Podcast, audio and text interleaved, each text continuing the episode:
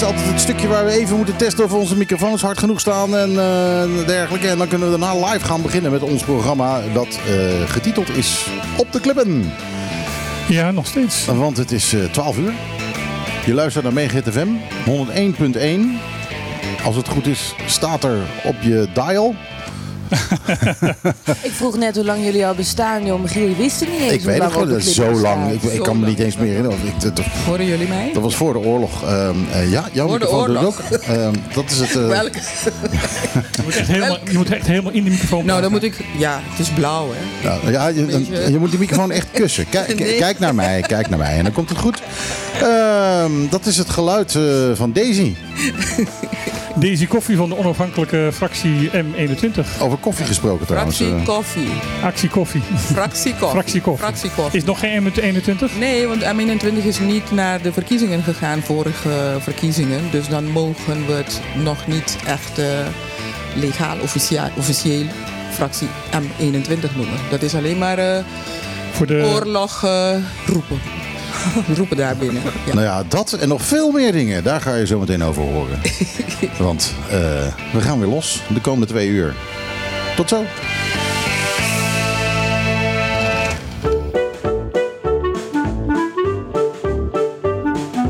Elke zaterdag tussen 12 en 2.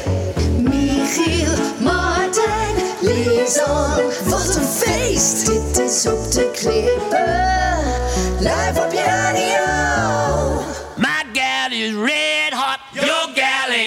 squad. Yeah.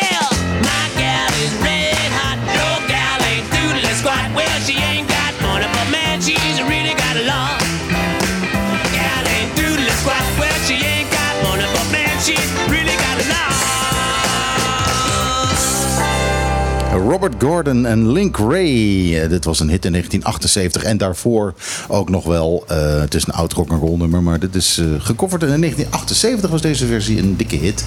Uh, in Nederland. En ik was hem helemaal vergeten. Ik kwam hem toevallig tegen terwijl ik een popquiz aan het voorbereiden was. Ja, het, het, het, zoals allemaal liedjes die, met, wel, hoor. die hot in de titel hadden. En toen kwam ik deze tegen. En ik denk, wat een feest. Dus, maar ja goed, niemand weet meer Robert Gordon en Link Ray. Dus in de popquiz kon ik hem niet gebruiken. Maar wel mooi. Uh, hier in de show. Zo, nou, show, uh, in de, show. kop is eraf. Uh, zoals gezegd, uh, we hebben Daisy Koffie aan de tafel zitten. En Daisy uh, is deze hele show is onze tafeldame. dus iedere keer als iemand iets uitlegt en het is een beetje ingewikkeld... dan doen we à la Matthijs van Nieuwkerk zeggen we... Nou, leg het nou eens zo uit dat Daisy het begrijpt. En dan... ja. Eerst was ik het leidend voorwerp, ja, nou is deze ja, de fractievoorzitter. Nou ja, nee, nee, Ik ben nee. meteen leidend en meewerkend voorwerp. Het oerleidend voorwerp is Halina Rijn. Hè? Dat was degene die... die leg het nou zo uit dat Halina het begrijpt. Ja. Ja, Terwijl ze uh, aan de tafel zat. Echt. Deze zit hier in, uh, in het kader van onze actie uh, Politiek aan tafel. Mm -hmm. dat betekent dat wij zoveel vaak, zo vaak als maar kan iemand van de politiek uitnodigen tot aan de verkiezingen. Die de hele uitzending erbij is. het is ook niet de bedoeling dat er alleen maar over politiek gepraat wordt. Maar juist ook dat over de andere onderwerpen die wat minder politiek zijn. Maar wel met het, met het, le het leven hier op het eiland te maken heeft, hebben.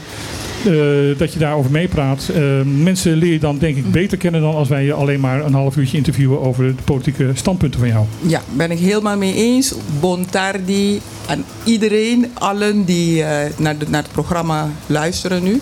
Ik ben heel blij en, en heel dankbaar dat ik hierbij mag zijn vandaag. Dus we gaan ervoor. Nou, mag zijn, mag zijn. We hebben om ons hoofd gestaan om je hier te krijgen. Ah. het is al maanden. Het is mijn agenda is heel, heel, heel druk, Michiel. Dat is ja, het. Ja, ik weet het, want dit is uh, weken, weken van tevoren. Ja, ik, ik roep dan altijd in dit geval, geval tijd, tijd is een kwestie van prioriteit. Maar...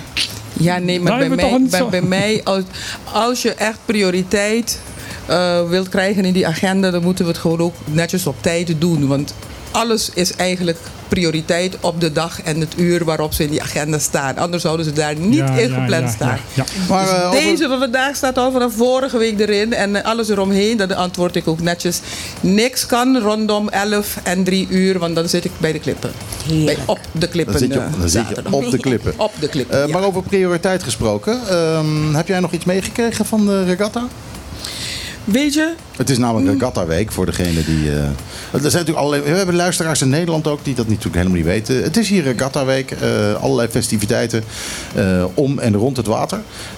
dat is redelijk verregend voor een gedeelte. Ja. ja, maar goddank is er wel een beetje wind, hè? Normaal gesproken rond deze tijd helemaal geen wind. Ja, dat is waar. Dat is waar. Maar ja, ik vind het nog steeds wel lekker hoor, een beetje regen. En we hebben natuurlijk we hebben echt geluk gehad de afgelopen week. Wederom, wederom. Want wederom is het, het echt grote, grote uh, stormgebeuren aan ons voorbij gegaan. Uh, net ten zuiden. Dat ja. twee keer dit jaar dat dingen uh, ten zuiden van ons voorbij komen. Terwijl het vroeger altijd zo was dat het ten boven van ons mhm. voorbij ging. Ja, en we kunnen, heb ik nu begrepen van een, een meteoroloog, beter aan de zuidkant dat ze passeren. het gaat de trend worden. Uh, normaal gesproken namelijk... Uh, nou, als de trend is dat ze ten zuiden passeren, dan uh, is dat heel fijn. Is maar, dat heel fijn. Omdat... Maar je wil het niet over je hoofd heen hebben hoor. Nee, maar wel, wel ten zuiden. Want dan gaat het half over Venezuela heen. Mm -hmm. En een orkaan groeit nooit in kracht um, als, het, als die over land gaat. Mm -hmm. Klopt. Dus... Um, ja, dat, dat, uh, laten ze alsjeblieft allemaal eh, ten zuidelijk van ons gaan passeren de komende jaren. Want dan betekent dus dat het bij ons gewoon nog een wave of een, of een lichte storm is. En dat pas als het ons gepasseerd is, dat in kracht gaat, gaat toenemen. Heel naar voor alles wat, er, wat na ons komt. Want alles wat ten zuiden komt, gaat ongeveer bij Nicaragua dan weer aan land komen. Ja, en dan wordt het weer ongezellig. Maar goed, terug naar mijn vraag. Heb je nog iets meegekregen van de regatta? Nou, ja, weet je, um, ik ben zelf niet hier in de stad geweest eh, bij die avondactiviteiten. Mijn zoon is wel geweest en ik moet van hem begrijpen dat het, het is ontzettend druk ja. in, de, in de avonduren. Het, het schijnt gewoon bomvol te zijn met mensen hier. Um, ik denk dat dat waarschijnlijk ook te wijten is dat wij al drie jaar, als ik me niet vergis, geen regatta hebben gevierd zoals daarvoor. Uh, alleen wat ik wel nu van mensen meekrijg is dat alles gewoon ontzettend duur is en ontzettend mm -hmm. duur is geworden. Ja. Um, en, en daar zit ik wel een beetje mee. Want ik vraag me af, hebben we dit dan niet wat eerder moeten plannen om toch wat meer geld erin te kunnen stoppen. Of als OLB en zelfs misschien ook vanuit de privésector, daar waar mogelijk. Om toch de kosten te kunnen uh, verlagen voor de, de, de, de deelnemers eigenlijk uh, aan de, de hele activiteit die hier in Playa wordt gehouden. Ik, ik heb begrepen dat op de kant, op de wal, dat het heel erg druk is. Maar dat er eigenlijk heel erg weinig deelnemers zijn.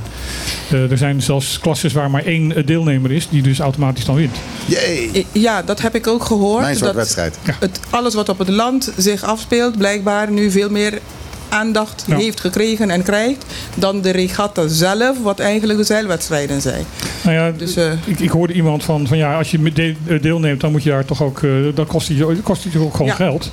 En mensen zijn denk ik tegenwoordig gewoon wat zuiniger op geld, omdat alles inderdaad veel duurder is. En de, de inflatie en nog ja, de vooruitzicht dat het nog veel duurder gaat worden. Dus iedereen zit een beetje op zijn mm -hmm. geld tegenwoordig. Ja, maar dus daarom is het ook, zou het veel beter zijn geweest als er eerder hieraan gedacht was.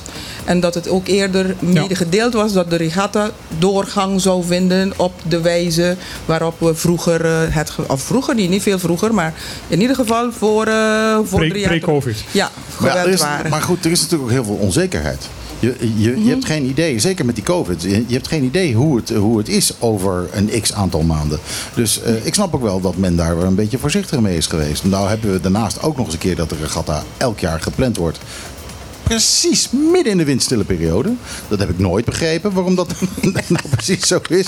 Uh, maar ja, dat heeft uh, denk ik te maken met toevallig nou eenmaal het moment dat uh, Captain Don besloot om een wedstrijdje te zeilen mm -hmm. om een kratje bier. maar ja, het, maar erg handig en, is het nee, allemaal niet. Maar plannen en geld opzij leggen hiervoor. Uh, daar hoeven we niet te zitten wachten op de COVID-uitslagen. Ik bedoel, nee, nee, als nee, we het hebben, dan hebben we het voor het geval we het groot willen, groot willen doen. En kan het niet doorgaan, oké, okay, pech gehad. Maar we waren dan wel uh, beter op voorbereid. Ja, het, en het kan je natuurlijk uh, ja. deze tijd ook Ik, altijd gebeuren. Dat je met een, ja. met een paar live optredens staat hier zo. En dat het met bakken uit de hemel mm -hmm. komt. Dat het keihard regent. Wat ik wel ook heb begrepen van mensen die hier aanwezig zijn in de avonduren. Dus oudere mensen. dat wat zij wel ervan vinden is dat het heel erg gemoderniseerd is allemaal. Ja. Dus dat het folkloristische, waarvoor het eigenlijk officieel uh, mee gestart is, uh, dat dat in principe bijna niet meer zichtbaar en aanwezig is. Dat, ja. het, dat het heel erg modern is geworden. Uh, ja, ik ben niet tegen uh, moderniseren, maar misschien moeten we ook even kijken van waar komt dit gedoe, dit hele zeilgedoe en regatta festiviteit vandaan en wat was het doel ervan? En dan proberen toch nog uh, het doel voor ogen te kunnen houden met de modernisering. Wat was het doel dan volgens jou? Nou, ik heb begrepen van de mensen dat het een volksfeest zou zijn waar de cultuur en uh, het folklore van, en, en tradities van, van het eiland duidelijk zichtbaar getentoonsteld zou moeten worden ten behoeve van alle gasten die hier op het eiland zouden zijn, zodat zij dan ook beter kennis zouden kunnen maken met het eiland en de eilandsmensen. Dus een soort presentatie van de Bonaireaanse cultuur. Ja. Ik, ik vind dat een, eh, een, een heel mooi streven, maar volgens mij is het oorspronkelijk, het was gewoon eigenlijk een, een zeilwedstrijdje tussen Captain Don en één of twee vissers. Uh, ja, maar dat is wel en, echt... En, en, dat werd gewoon aangegrepen om een feestje te bouwen. En zo, zo waren we in die tijd. Dus, uh, en wat dat betreft is dit nog steeds een feestje. Alleen dus, ja, het is een feestje anno 2022. Maar zijn het alle volksfeesten? Op die manier eh, ontstaan? ja, eigenlijk wel. Uh, een paar mensen gaan een paar jaar achter elkaar een eh, feestje bouwen en hé, hey, daar gaan we een traditie van maken. Maar je zo, kunt, zo begint toch eigenlijk alles. Maar, maar je hebt natuurlijk wel in de, in de hand wat je doet. Kijk, natuurlijk, uh, een feest is ook heel erg voor jongeren en het zijn de die gaan er het meest op los. maar er zijn, ook, zijn natuurlijk ook ouderen en die, die wel geïnteresseerd zijn, maar die zitten misschien niet te wachten op R&B met autotune en die zullen misschien liever ja, een, een, een leuke Criollo-act willen hebben. Maar er is geen enkele reden waarom dat niet naast elkaar kan bestaan. Maar dus daarom. Dus uh, het schijnt dus dat men dat Criollo-gedeelte bijna, bijna niet meer ziet. Behalve, de, behalve de, de bandjes die dan helemaal vroeg in de avonduren schijnen ze ingedeeld te zijn uh, op de agenda, op, de, op het grote podium. Dat zijn ook vaak uh, oudere mensen, dus die, die hebben ook geen zin om, uh, maar, om één uur s'nachts nog eens een keer aan, ja, te, aan te treden.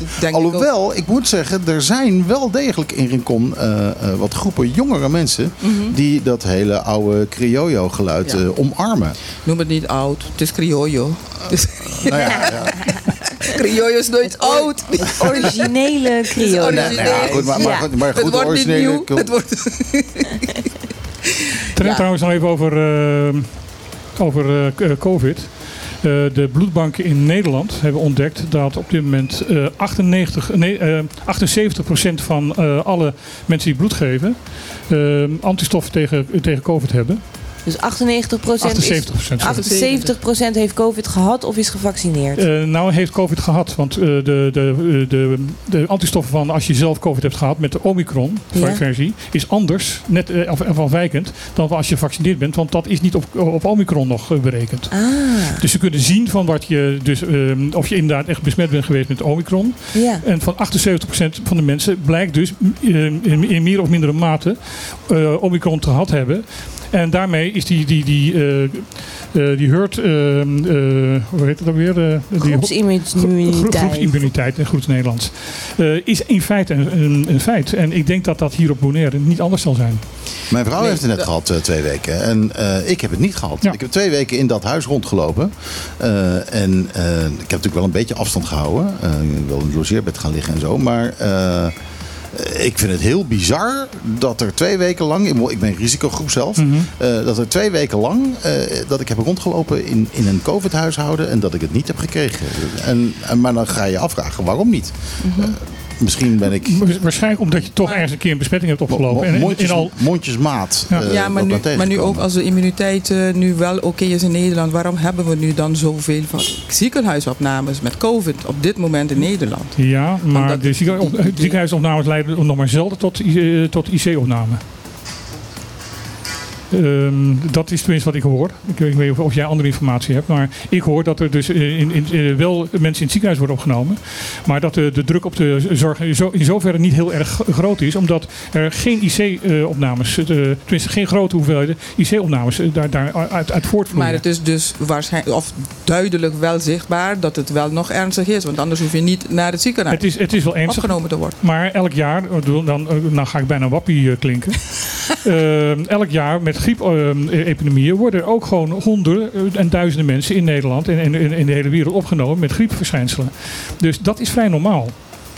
Mhm. het, het, het, bijzondere was en, en het, het, gevaarlijke was, was dat bij COVID het doorging. En dat je inderdaad dan um, echt gigantisch hoeveelheid mensen op de IC terechtkwamen. En dat daar dus de grote druk ontstond. Maar uh, grote druk uh, hebben we hier nog steeds door de COVID hoor. Want uh, de apotheken liggen helemaal plat. Omdat er COVID heerste onder het apotheekpersoneel. Daar gaan we ja, het straks ook nog over Daar gaan we het straks ook nog over hebben. Ja. Maar eerst een liedje. Weet je wat? ik draai de nieuwe Ed Sheeran. Celestial heet hij. En hij klinkt zo. You see tonight it could go either way. Hearts balanced on a razor blade. We are designed to love and break, then to rinse and repeat it all.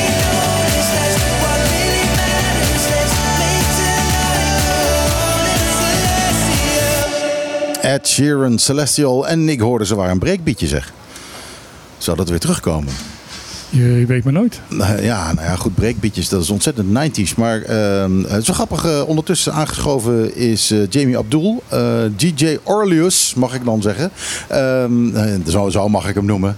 Iedereen moet hem eigenlijk DJ Orleus noemen. En er zijn maar weinig mensen die hem nog Jamie mogen noemen. Jamie, jij bent DJ. wat denk jij? Komt het terug, die breakbeat?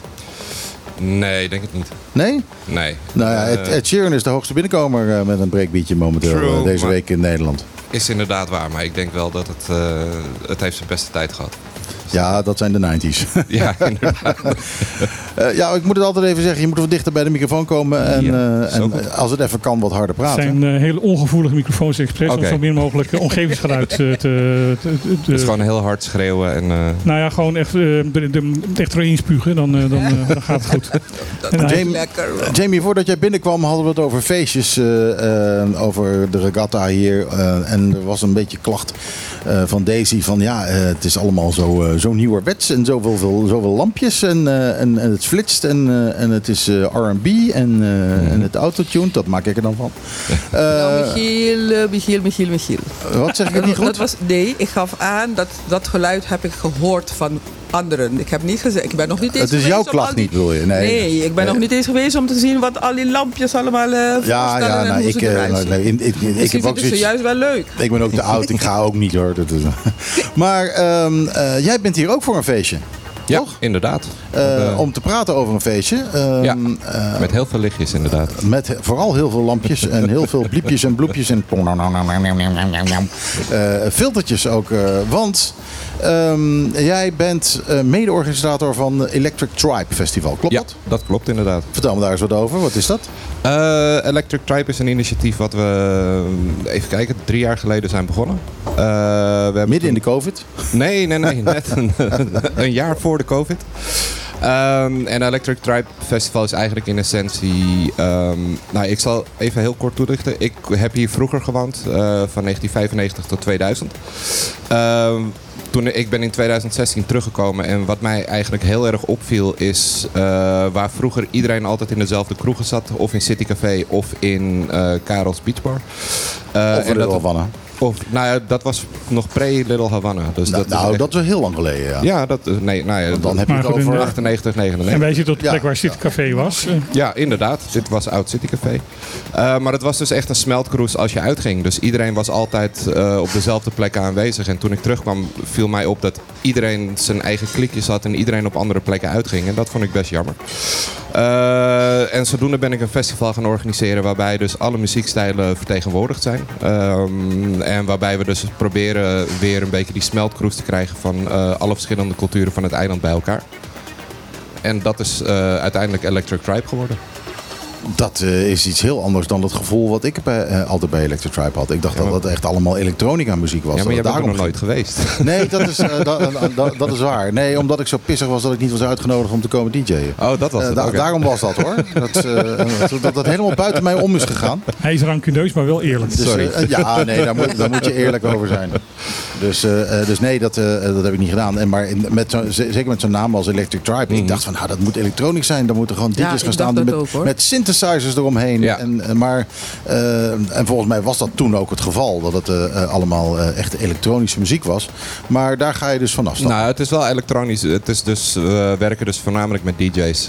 puur vanwege het feit dat live artiesten gewoon, ja, zeker met het budget waar wij mee werken, gewoon niet haalbaar is. ja, het is hartstikke duur. Toekomstplannen zijn natuurlijk om dat uiteindelijk wel te doen. Maar we, we, wat ik zeg met stijlvertegenwoordiging is, we, dus we draaien reggae. We draaien echt creole muziek. eh, in wezen tot aan house aan toe en urban en dergelijke.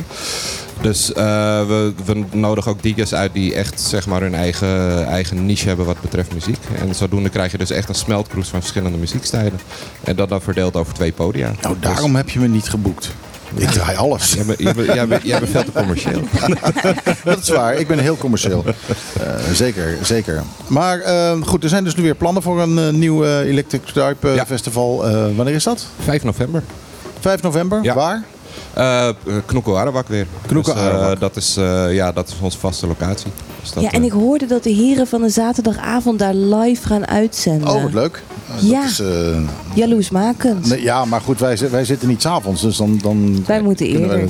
als het nou eens een keer zou, als het nou zou beginnen om een uur of twaalf. Maar dat, eh, eh, drie uur is het. Ja, het is gewoon net als we klaar zijn. Ja.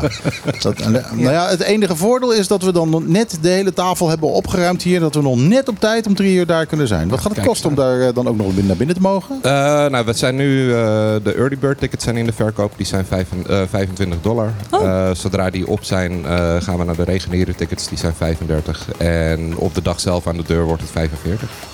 Oké, eh, maar als je dus, eh, je bent er snel bij, dan heb je eh, 25 zei je? 25. Eh, 25 dollar betaald en dan ben je dus van eh, drie uur s middags ben je onder de pannen ja, tot, drie uur s'nachts. tot drie uur s'nachts. Ja. Je hebt gewoon 12 uur lang eh, eh, kun, je, kun je daar rondlopen. Ja, krijg, krijg je er nog meer voor, voor die tickets? Nou, naast Eh, muziek hebben we natuurlijk een hele hoop andere activiteiten. Eh, we, zijn, we hebben een shisha lounge. eh, Wat is dat dan weer, een shisha water- lounge? Een waterpijp lounge. Waar mensen Oh ja, kunnen chillen en een beetje relaxed kunnen doen. Oké, nou daar val ik uit alweer het, af, uit want het ik ook niet. Ehm, nou, we hebben natuurlijk de nodige eh food trucks die, eh, die weer vertegenwoordigd zijn. Kijk, now you're talking my language. Zoals de Kite City bus en eh, de Petulia met de, vis, eh, met de viskraam en nog een andere. ja. Petula, sorry. De- eh, daarbij hebben we ook nog dingen zoals, we, hebben, we zijn nu bezig met een twerk workshop.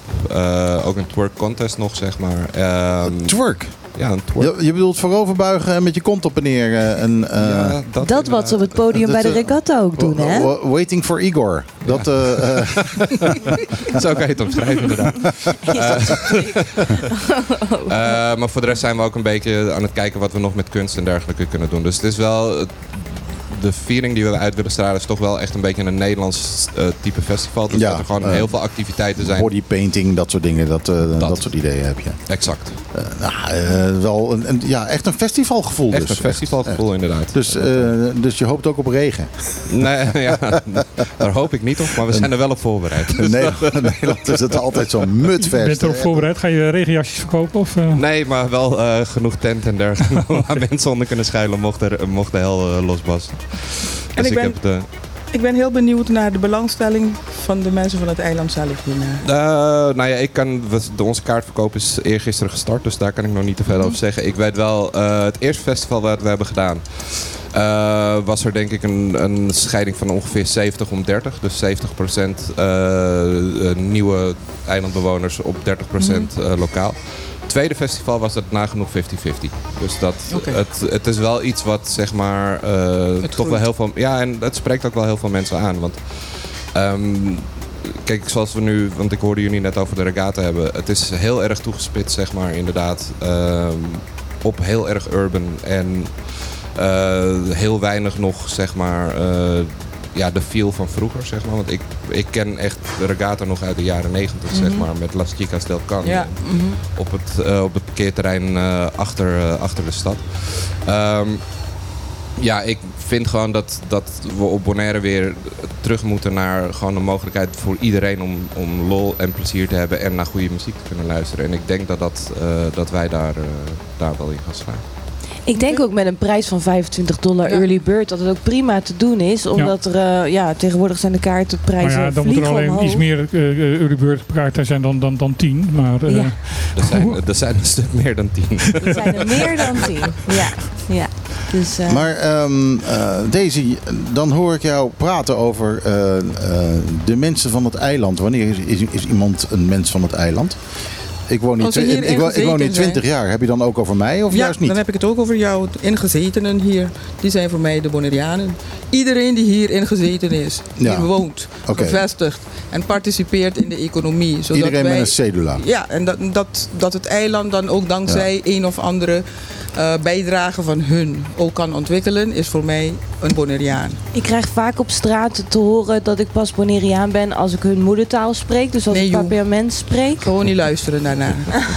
okay, Gewoon niet luisteren. Geef aan, je woont hier, je bent ingezeten en jij draagt ook bij aan het ontwikkelen uh, van het eiland door te participeren in vind je, vind je dat er nog een, nog een, een, een wel een soort, soort uh, ja, gedachte bij moet zijn van uh, dat je wil blijven hier?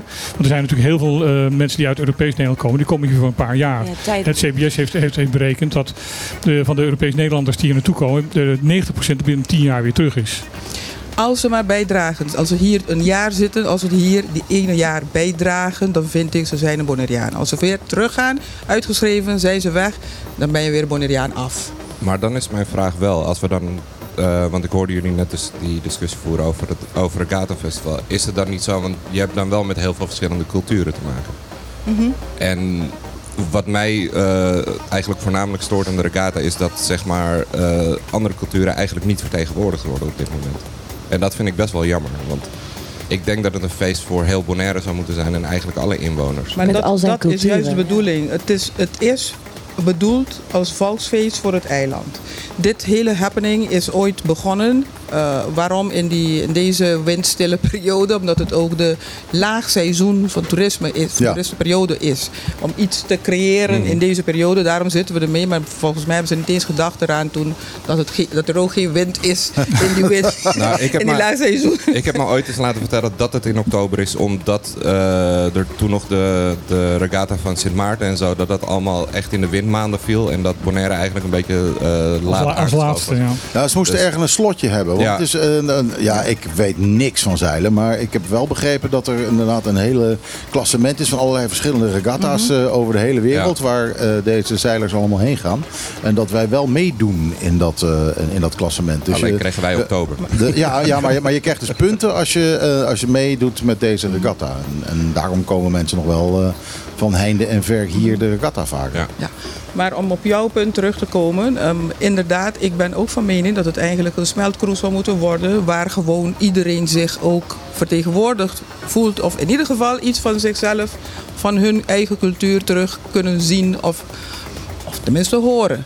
Maar nou, nou ja, om dit te kunnen doen, dan denk ik toch wel dat we moeten uh, gaan beginnen te denken aan een soort vaste commissie die opgesteld wordt door ook diverse mensen. Of als het al door maar een paar mensen um, gevormd wordt, maar die wel divers kunnen nadenken en uh, dingen kunnen plannen en organiseren die wel ten goede komt van uh, Ja, want wat, iedereen. wat er nu gebeurt is van dat uh, de, het programma van, de, van, het, van het festival, van het Regatta Festival, wordt bepaald door degene van de organisatie die het op dat moment or, organiseert. En dat, dat wisselt nog Ja. wel eens een keer. Is dat niet een, event, een of ander eventbureau wat dat nu doet? Nou ja, Hype, jij dat? Hype heeft het. Hype eh, het? de, dit jaar, Nee, nu, nu is het Oh, niet- Dit- dit keer niet. jaar is het massive. Ja. Ja. Maar, maar ja, maar dat, dat is ook weer zoiets. Hè. Um, dan geef je het uit handen aan één groepje. En dat groepje, die, wil natuurlijk, die, die moet het commercialiseren. Ja, die Want- moet, die moet geld verdienen. Ja, want anders komen ze er ook niet. Dus dit, dit moet op de een of andere manier weer teruggehaald worden. Terug naar, de, naar het OLB of TCB, weet ik veel. Uh, waardoor dan een, een subsidie ervoor uh, gereserveerd kan worden of gegeven kan worden. Mhm. Uh, met een specifieke commissie en van mensen die ook uh, een beetje kaas ervan hebben gegeten. Want En dan een beetje ook weer... eh, Een commissie met een beetje dwarsdoorsneden dwarsdoorsneden van, van het- van, ja. van de bevolking. ja, Maar in- mag ik vragen, want in wat voor opzicht is het nu uh, vercommercialiseerd ten opzichte van, uh, van het verleden dan? Want in wezen, er wordt geen toegang gevraagd. Ik weet niet hoe dat voor de rest wordt geregeld met, uh, met de horeca en dergelijke. Maar het is in wezen een, een open festival of een open nee, feest. de mensen die, die moeten hier eh, behoorlijk veel geld betalen om mee te doen met hun standjes Ah, die je hier buiten ziet. Ja. Um, en als ze zoveel geld voor die standjes moeten betalen, dan worden hun prijzen moeten ze Ja, ook uh, inderdaad. behoorlijk omhoog uh, omhoog uh, vastleggen. Anders, anders komen ze ook niet uit hun... Ja, en, de mensen die een hoop geld voor die steentjes betalen, die verwachten dan ook dat er een hoop publiek komt. Ja, ja maar ik dacht dat het gratis was, de steentjes. Dus dat is dan nee. mijn... Uh, nee, die betalen okay. inderdaad nee, dan hebben we het over ja. 400 dollar en 600 zoveel dollar en 800 dollar. Afhankelijk van hoe groot je, wow. je geval is. Okay. Bijvoorbeeld, van de week was uh, Tio Pepe, die, die, die, ijs, die ijscream truck, was ook... Uh, ja. Op Facebook overal, want hem wilden ze ook 650 dollar vragen om ergens te staan. Hoeveel ijsjes moet van die anderhalve dollar en, of 2 dollar moet je dan wel verkopen? En die bedragen die gaan dan zeg maar naar de organisator? Naar de organisator. Okay, ja, dat... ja, het probleem is altijd als je zoiets organiseert, waar ga je het van betalen? En dat gaat eigenlijk bijna niet. Uh, ik heb, ah, ja. uh, maar er is toch geld? ik heb zowel, ik, heb zowel de Bonaire Jazz als het uh, Bonaire Beach Festival heb ik meehelpen de grond in te werken. in beide gevallen heb ik het faillissement moeten aanvragen. Maar ehm, ik weet wel dat, kijk, we probeerden dat, dat. Je kunt dat niet doen. Je kunt dat echt niet doen zonder sponsoring. Uh, en, en ja, dat deden we dan, uh, dan weer. Misschien een maandje. Kijk, kijk in, Nederland is, in Nederland is het makkelijk. Je boekt de men wel kan. Maar hier uh, moet je de artiesten ook echt uh, een onderdak geven. Je moet, je moet ze invliegen. Ja. Je moet een, ja. Ze moeten een dak boven hun hoofd hebben. Ze moeten, uh, het is niet dat je een beetje nou ja, uit, vandaar, uit, uit Den Haag dat, bestelt. Dat jullie, Jamie, bij, bij jullie festival voor DJ's uh, kiezen. Dat is goedkoper. Dat, dat is een stuk goedkoper. Dat is goed. Ja, maar er zit nog steeds wel een aardig prijskaartje aan. Ja, nee, dat weet ik. Maar kijk, anders ben je een hele band die je moet betalen. Die hebben allemaal vriendjes en vriendinnetjes die ook al mee moeten. Je hebben geluidsmensen die mee moeten. En dat... Er is altijd een manager die meekomt. Een hele divi. Maar er, is toch een, er is toch een fonds voor uh, Regatta elk jaar? Dus dat een bedrag wat beschik, beschikbaar wordt gesteld? Nou, dat bedrag is nog, uh, dat schuifelde nog, nogal eens uh, heen en weer. Het is geen vast bedrag, dus daarom zei ik ook, ik vind er moet gewoon structureel een bedrag vastgesteld en gereserveerd worden ja. hiervoor. Gaat het niet door? Zo so we gebruiken het geld voor maar iets anders. Waar, waarom inderdaad wel subsidie voor uh, Dia di Bonero, waarom wel subsidie voor Dia di Rincon, maar waarom niet voor de Regatta? Nou, ze hebben wel iets, maar alleen het is niet zoveel. Ik weet niet wat het is geworden hm. dit jaar, maar uh, vorige, de vorige keren was het volgens mij 50.000. En uh, 50.000, als je echt zo'n evenement wilt... is zo op. het gaat heel snel op. Je, ja, je hebt, je hebt alleen al aan die nodig. mensen, ja. ja aan, alleen maar aan die mensen die je over moet vliegen of in moet vliegen, ben je al bijna en misschien is dat dit jaar wat minder, maar andere jaren was het ook zo met de regatta. Van dat er dus heel veel mensen ook van andere eilanden komen om hier de regatta te vieren. Ja. Dus uh, het, het, het uh, levert ook nog behoorlijk wat inkomsten. En ook inderdaad, Misschien uh, moeten we eens kijken of we al is het één maandje van onze toeristenbelastinginkomsten aan de regatta kunnen besteden. Als je gewoon in die week dat de, van de regatta alle toeristeninkomsten, de ja. belasting naar de regatta, ja. dan ben je al heel leuk. Iets dergelijks. Nou, donderdagavond was er Jayon op het podium. Ik weet niet, hebben jullie het gezien? Gehoord? Ik, gevoeld? Ik gemerkt? Heb, ik heb een stukje ervan gezien op ik, uh, Facebook. Uh, ik, ik, woon in Belnem, ik heb het gehoord. Het was echt een indrukwekkende show hoor. Ik stond midden in de zaal. Ik kreeg helemaal zo'n... Uh, ja, het gevoel wat je ook wel eens in AFAS live hebt. In, weet je wel, in een echte venue met vuurwerk. Goeie, goed geluid ook, dat ook. Maar dan hoorde ik dat uh, het vliegtuig van Jayon helemaal voor zichzelf was. Met al zijn mannen, al zijn apparatuur. En dat heeft gewoon heel, heel, heel veel ja. geld gekost. En dan is het heel fijn dat Jayon komt. En hij, heel grappig, hij promoot ook met... Uh, ja, ik heb Bonaire ook uitverkocht. Nou, wij, wij hebben niks betaald hoor. Wij kwamen ook gewoon allemaal maar aanlopen. maar uh, ja, het is natuurlijk een investering in zo'n festival. Maar is eigenlijk alleen maar de highlight die zoveel geld mm-hmm. heeft gekost. Ja. En de rest bungelt er een beetje bij. Klopt. En daar ben ik het ook niet mee eens. Nee, want elke artiest verdient eigenlijk dezelfde aandacht. Ja, ja, ja, maar goed. Nee, dat, dat, zo, zo werkt dat met artiesten niet. Kijk, je, je zet Jay daar neer omdat je weet, daar komen mensen op af. Ja. Hij is super populair onder, ja. uh, onder de papimento het, het heet niet voor niks, uh, zo'n zo, zo groot act heet niet voor niks een headliner. Uh, dat, die staat het grootste op het affiche. Ja. ja dus, staat, er staat mij nog bij dat hij twee jaar geleden, of na de laatste keer voor corona, dat toen, toen was Kassaf volgens mij de headliner. En Jayon die, was, die stond zeg maar twee uur eerder of zo. Dus okay. Hij is in die tijd wel gegroeid. Ja, dat, uh, ja, goed. Dat, dat is ook de bedoeling, hè? En Kassaf, wie heeft er nu nog gehoord van Kassaf? Ik? Wat ga je draaien? Uh, ja, ik zit een beetje op, uh, op uh, twee voeten te hinken. Want enerzijds denk ik aan The Gift, wat een beetje elektronische muziek is. Um, maar aan de andere kant is dit misschien een moment. Jamie heeft het over cultuur, de, de smeltkroes van de cultuur. Um, en dan denk ik van ja, eigenlijk zou het tijd moeten worden voor een, een soort van cryo-beat of zo. Dat je een soort van elektronisch combineert met criollo dingen en dergelijke. Criollo house. En, ja. en dan denk ik... Uh, ah, we hebben Afrobeat natuurlijk. Dat, nou ja, dat schud ik nou, ja, maar dat, ja, nee, maar het, moet, het, moet, het moet van hier zijn. Curaçao, Curaçao heeft Toomba Electro. Die, uh, dat is ah, dus Toomba muziek die ook uh, electro invloeden heeft. En dat is hartstikke leuk. dus weet je wat, ik draai een plaatje Cryo Beat. Dit is VOB, dit is Ray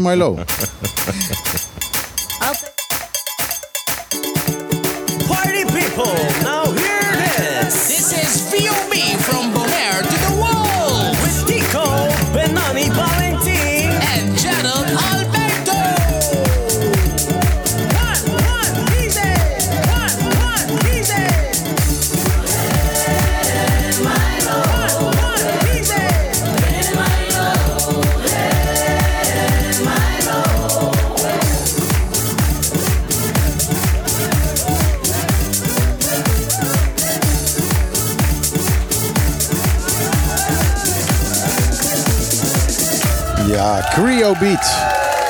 En ze zongen het zelf al. Uh, dit, dit, is VOB met uh, Tico Ballantin, met Gerald Alberto en Robert Verlida. en dat zijn natuurlijk wel grote Bonaireaanse namen. Wie was de producent? Ja. VOB. dat was jij toch, Michiel? Ja, ja, ja. Ik geef toe dat, uh, dat ik dit gedaan heb. En het is ook niet echt een, uh, een genre. Want dit was bedoeld als, uh, als een opstartje. Met, nee, maar het zou wel een genre moeten worden. Ja, van, ik, vind, dit, dit, dit, vind ik, ik ben het daar helemaal mee eens, inderdaad. Het klinkt echt super lekker. Dit is super lekker. De, de, de, een oude man als ik vind het ook nog lekker swingen. En uh, ja, dit is, dit is Fusion. Nou ja, ja, dit is inderdaad een, een, een Fusion. Dat, zo, zo, zo was het ook bedoeld. Gewoon een, een stukje Criollo en een stukje Electro bij elkaar. Mm -hmm. uh, Crio Electro, uh, weet ik veel. Hoe moet je de Crio beaten, weet ik veel. Dat klinkt wel lekker. ja, zeker. ja. ja. En, eigenlijk, Misschien moet je nog een paar doen. Ja, ja, dat je er nog een paar doet en mm -hmm. dat je mhm. dan op Electric Tribe gaat staan. Met, ja, ja dan, dan nodig ik je uit. dan. dan. dan. future muziek. Goed, zullen we eens even doorgaan en wat andere dingen gaan uh, bespreken. Het is uh, ondertussen... Uh, Alweer bijna één uur. Ja, misschien ook leuk om eindelijk de hot topic van de week even aan te snijden. En dat is? Nou, jullie hadden het net over... Halina, het even uit met je DWDD-praktijken. maar ook daar heerst een angstcultuur. Is naar buiten gekomen. Bij BNN-Vara is er ook... ja, een beetje druk vanuit bovenaf gezet bij de medewerkers. En nou is het nieuws deze week naar buiten gekomen dat er zo'n grote angstcultuur is hier. Nou ja, aanstaande dinsdag is er een uh, spoeddebat. En daar weet misschien nee, geen spoeddebat. Oh, nee? nee, het is helaas geen spoeddebat. Oh, dat was aangevraagd. Dat, was aangevraagd door uh, uh, Abraham, Abraham -hmm. van de PDB, die vorige week hier zat. En toen had hij ook gezegd van dat hij het zou, zou gaan aanvragen. Um, en hij heeft een, een spoeddebat aangevraagd met één uh, agendapunt erop. En dat was dus um, ja, het beleid binnen, binnen, het, binnen het bestuur en, en, en de actiecultuur.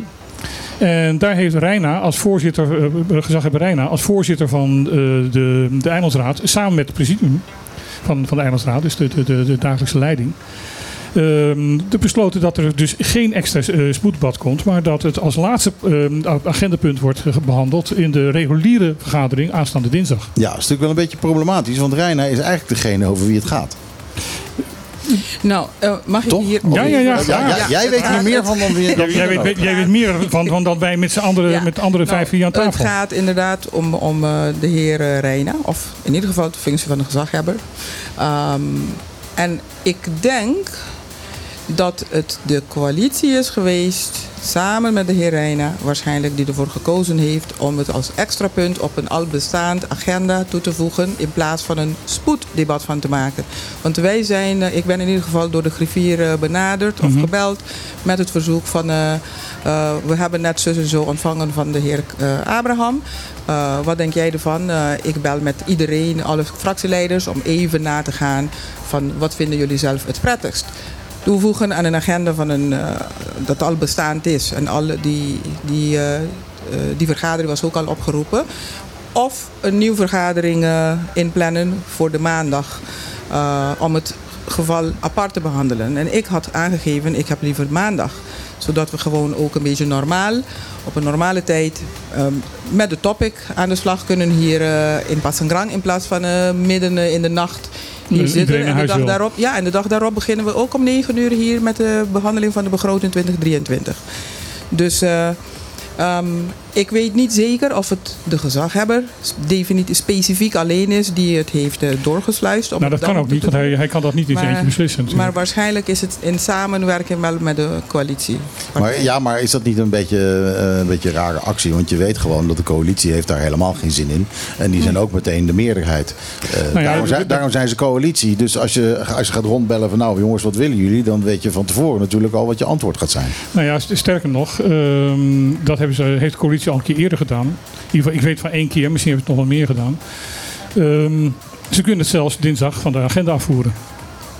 Ja, klopt. Ze, ze kunnen ook gewoon niet komen In, in opdagen. Nee, ze kunnen- ze- ze Nee, kunnen- zij kunnen in de meerderheid, omdat ze meerderheid zijn, kunnen ze het punt van de agenda afvoeren. Ja, dus dat is een beetje... eh, Een beetje Het is, het, is, het is politiek not done om dat te doen. De, de politieke ethiek eh, eh, schrijft voor dat je geen agendapunten van andere partijen gaat verwijderen. Maar het kan wel, het mag wel. En ik ben erbij geweest bij een van de keren dat het ook gebeurd is. En dat is een paar jaar geleden. Met ehm, dat Sien Sjoerd, die toen eh, gedeputeerde was, eh, aangevallen werd over het zogenaamde sleepbootschandaal. Toen had Clark Abraham ook een, ehm, een spoeddebat aangevraagd. Toen werd dat een spoeddebat. Eerst wilde gezaghebberijnen dat niet hebben. Toen is Helmond als waarnemend eh rijksvertegenwoordiger gekomen van... je bent verplicht om een ehm, spoeddebat op te roepen. op te roepen. Eh, je mag dat niet weigeren, je, moet- je moet dat doen. En toen was eh, die vergadering duurde een kwartier, namelijk opening, eh, vaststellen van de agenda. agendapunt wordt van de, van de agenda afgevoerd en sluiting. Ja. Dus ze kunnen het doen en ze kunnen het gewoon nu weer doen. Maar het zegt toch heel veel als ze dit laatste agendapunt van de tafel afvegen. Dan, ja, daarmee stemmen ze toch eigenlijk in. Eh, ja, bevestigen ze eigenlijk Nou de ja, angstcultuur. je laat je behoorlijk als in je je niet over kijken. durft te praten. Ja, Ik zou het echt heel raar vinden van als de NPB hier meegaat, politiek gezien.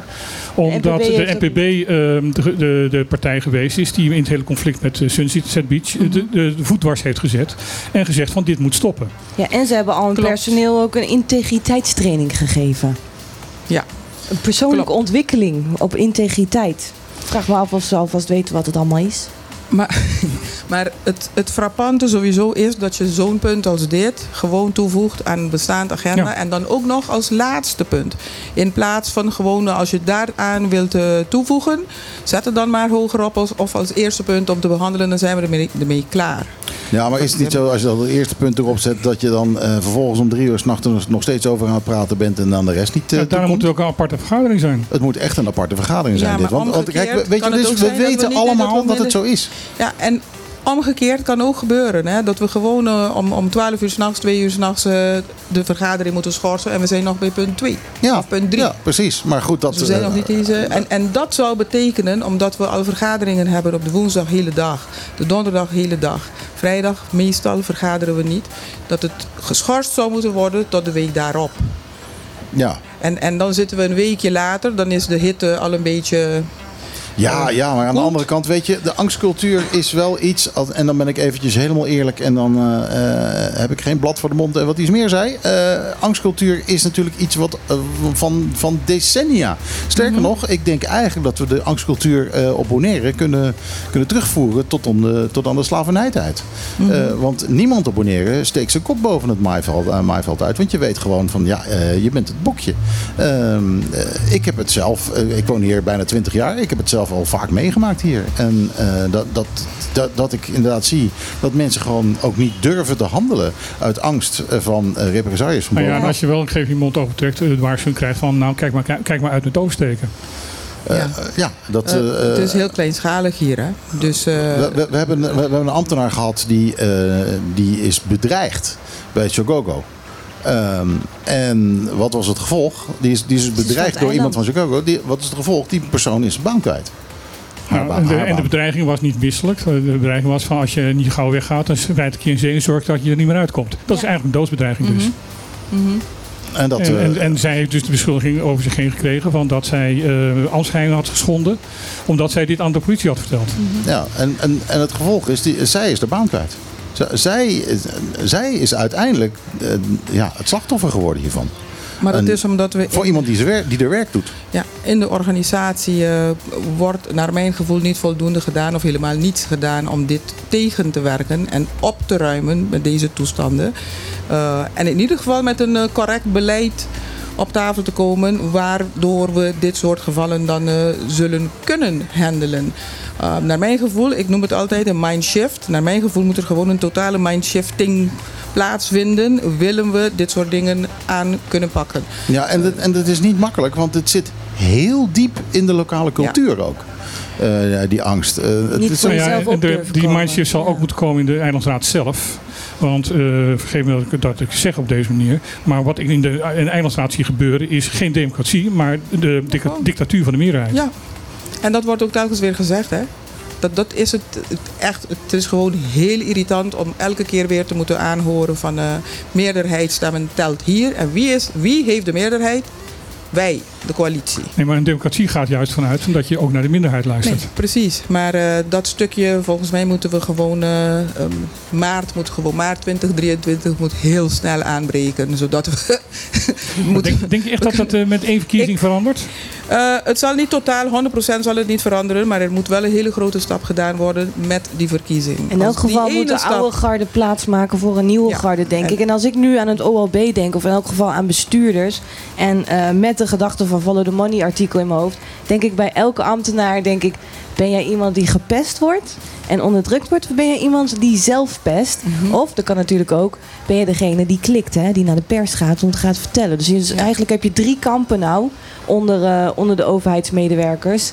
En dat is een, een oorlog ja, die wij. Uh, nou ja, die laatste categorie, die hebben we nodig. Die hebben we mensen, nodig. mensen die, die in Nou ja, plaats van klok- zich te laten intimideren. Maar de klokkenluiders zijn niet, be- zijn niet beschermd. Nee. Dus dat Nee. is ook een probleem. De, de klokken, klokkenluidersregeling in Nederland is al niet voldoende. eh, maar Waren ook in de die is wereld. hier niet eens aanwezig. Sorry dat ik het zeg, maar de klokkenluidersregelingen waar dan ook in de wereld deugen niet. Want ze worden niet beschermd. Meestal blijkt achteraf, als je een paar jaar later kijkt, dat de klokkenluider altijd het slachtoffer is. Ja, Ja. ja. En, en dat, dat, dat is natuurlijk een enorm groot probleem. Eh, wij ook. Wij, kijk, wij doen heel veel eh, eh, onderzoek al, een beetje. Moet ik, moet, moet ik zeggen. En we willen dat alleen maar veel meer en meer en meer gaan doen. Heb, eh, ja, nou ja, onder andere zometeen gaan we het daarover hebben wat er bij de, bij de apotheken aan de hand is. Ik hoor een heleboel verhalen van mensen die niet on the record willen zijn. Dus ik, ik, ik, ik weet een heleboel verhalen, zowel over ZVK als... eh, oh nee, het heet geen ZVK, maar ZJCN als Mariadal. Ehm eh, maar ik, ik, Wij weten informatie over inderdaad, over bijvoorbeeld Sunset Beach. Weten we informatie die echt de discussie zou veranderen. Eh, die wij niet mogen vertellen omdat mensen die het tegen ons verteld heeft, daar zo bang waren voor eh, dat ze het uiteindelijk toch weer bij hun terecht zou komen. en dat het hun baan zou En kosten. dat is hun baan zou kosten, dat ze hun mond houden. En ook aan ons hebben gevraagd, ja, en dat doen we dan, Ja. omdat we die mensen niet in problemen willen brengen.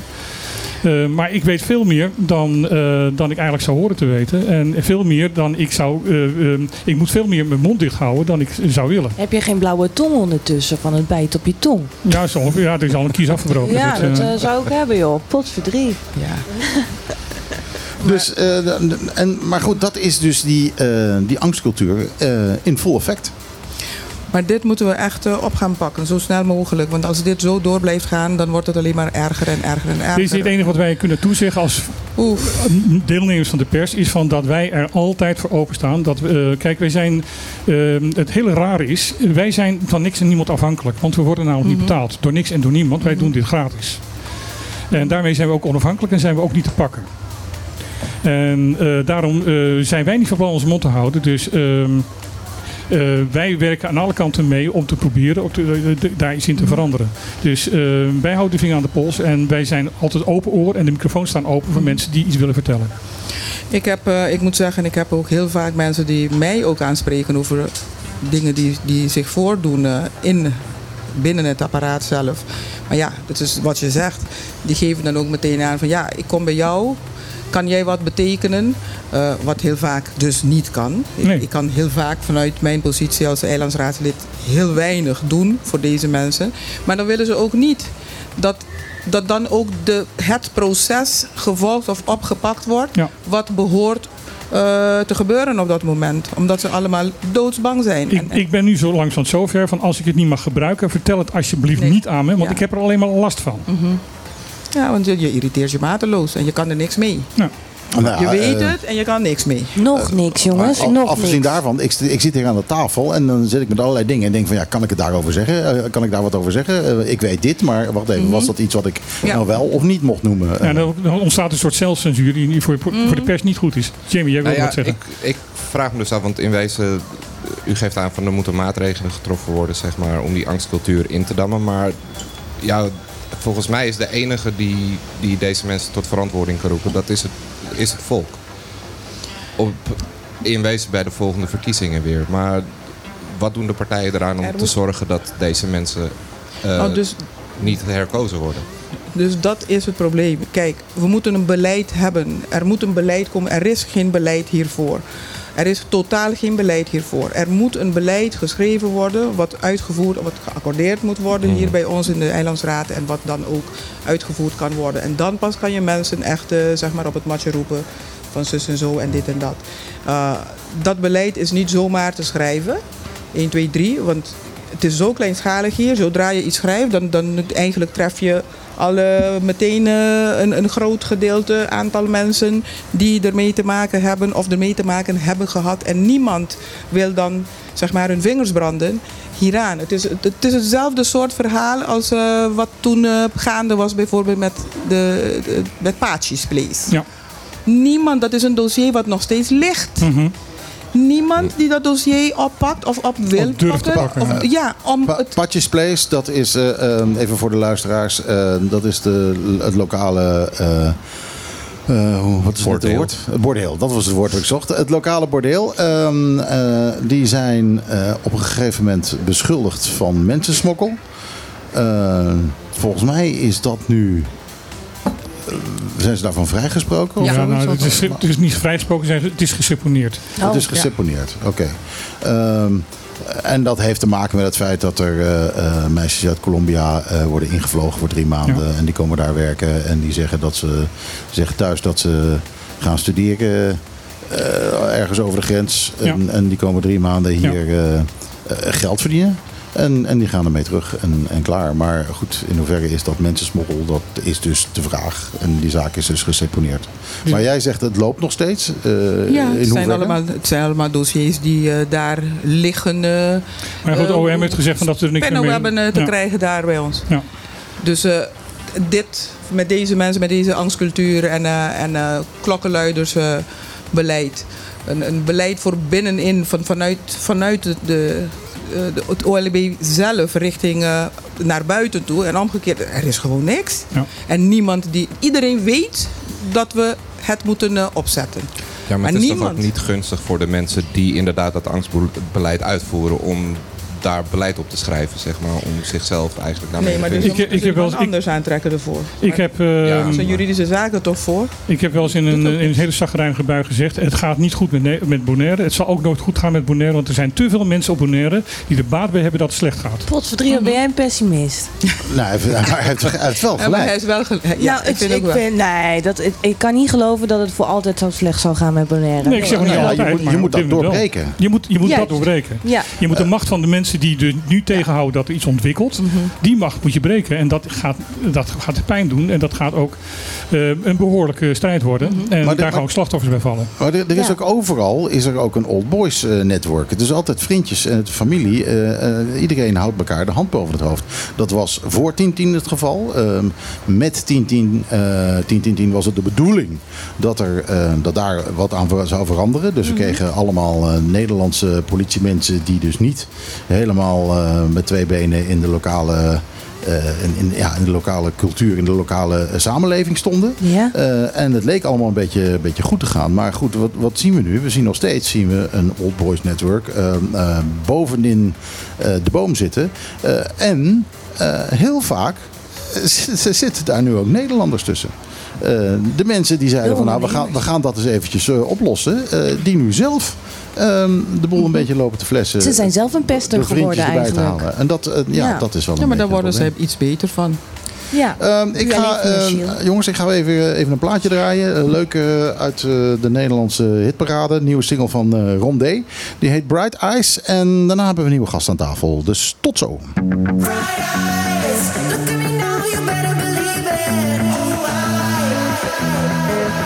So sick of this feeling. I'm bringing me down, I'm shutting me out. It's getting too easy. I feel so high, I'm touching the ceiling.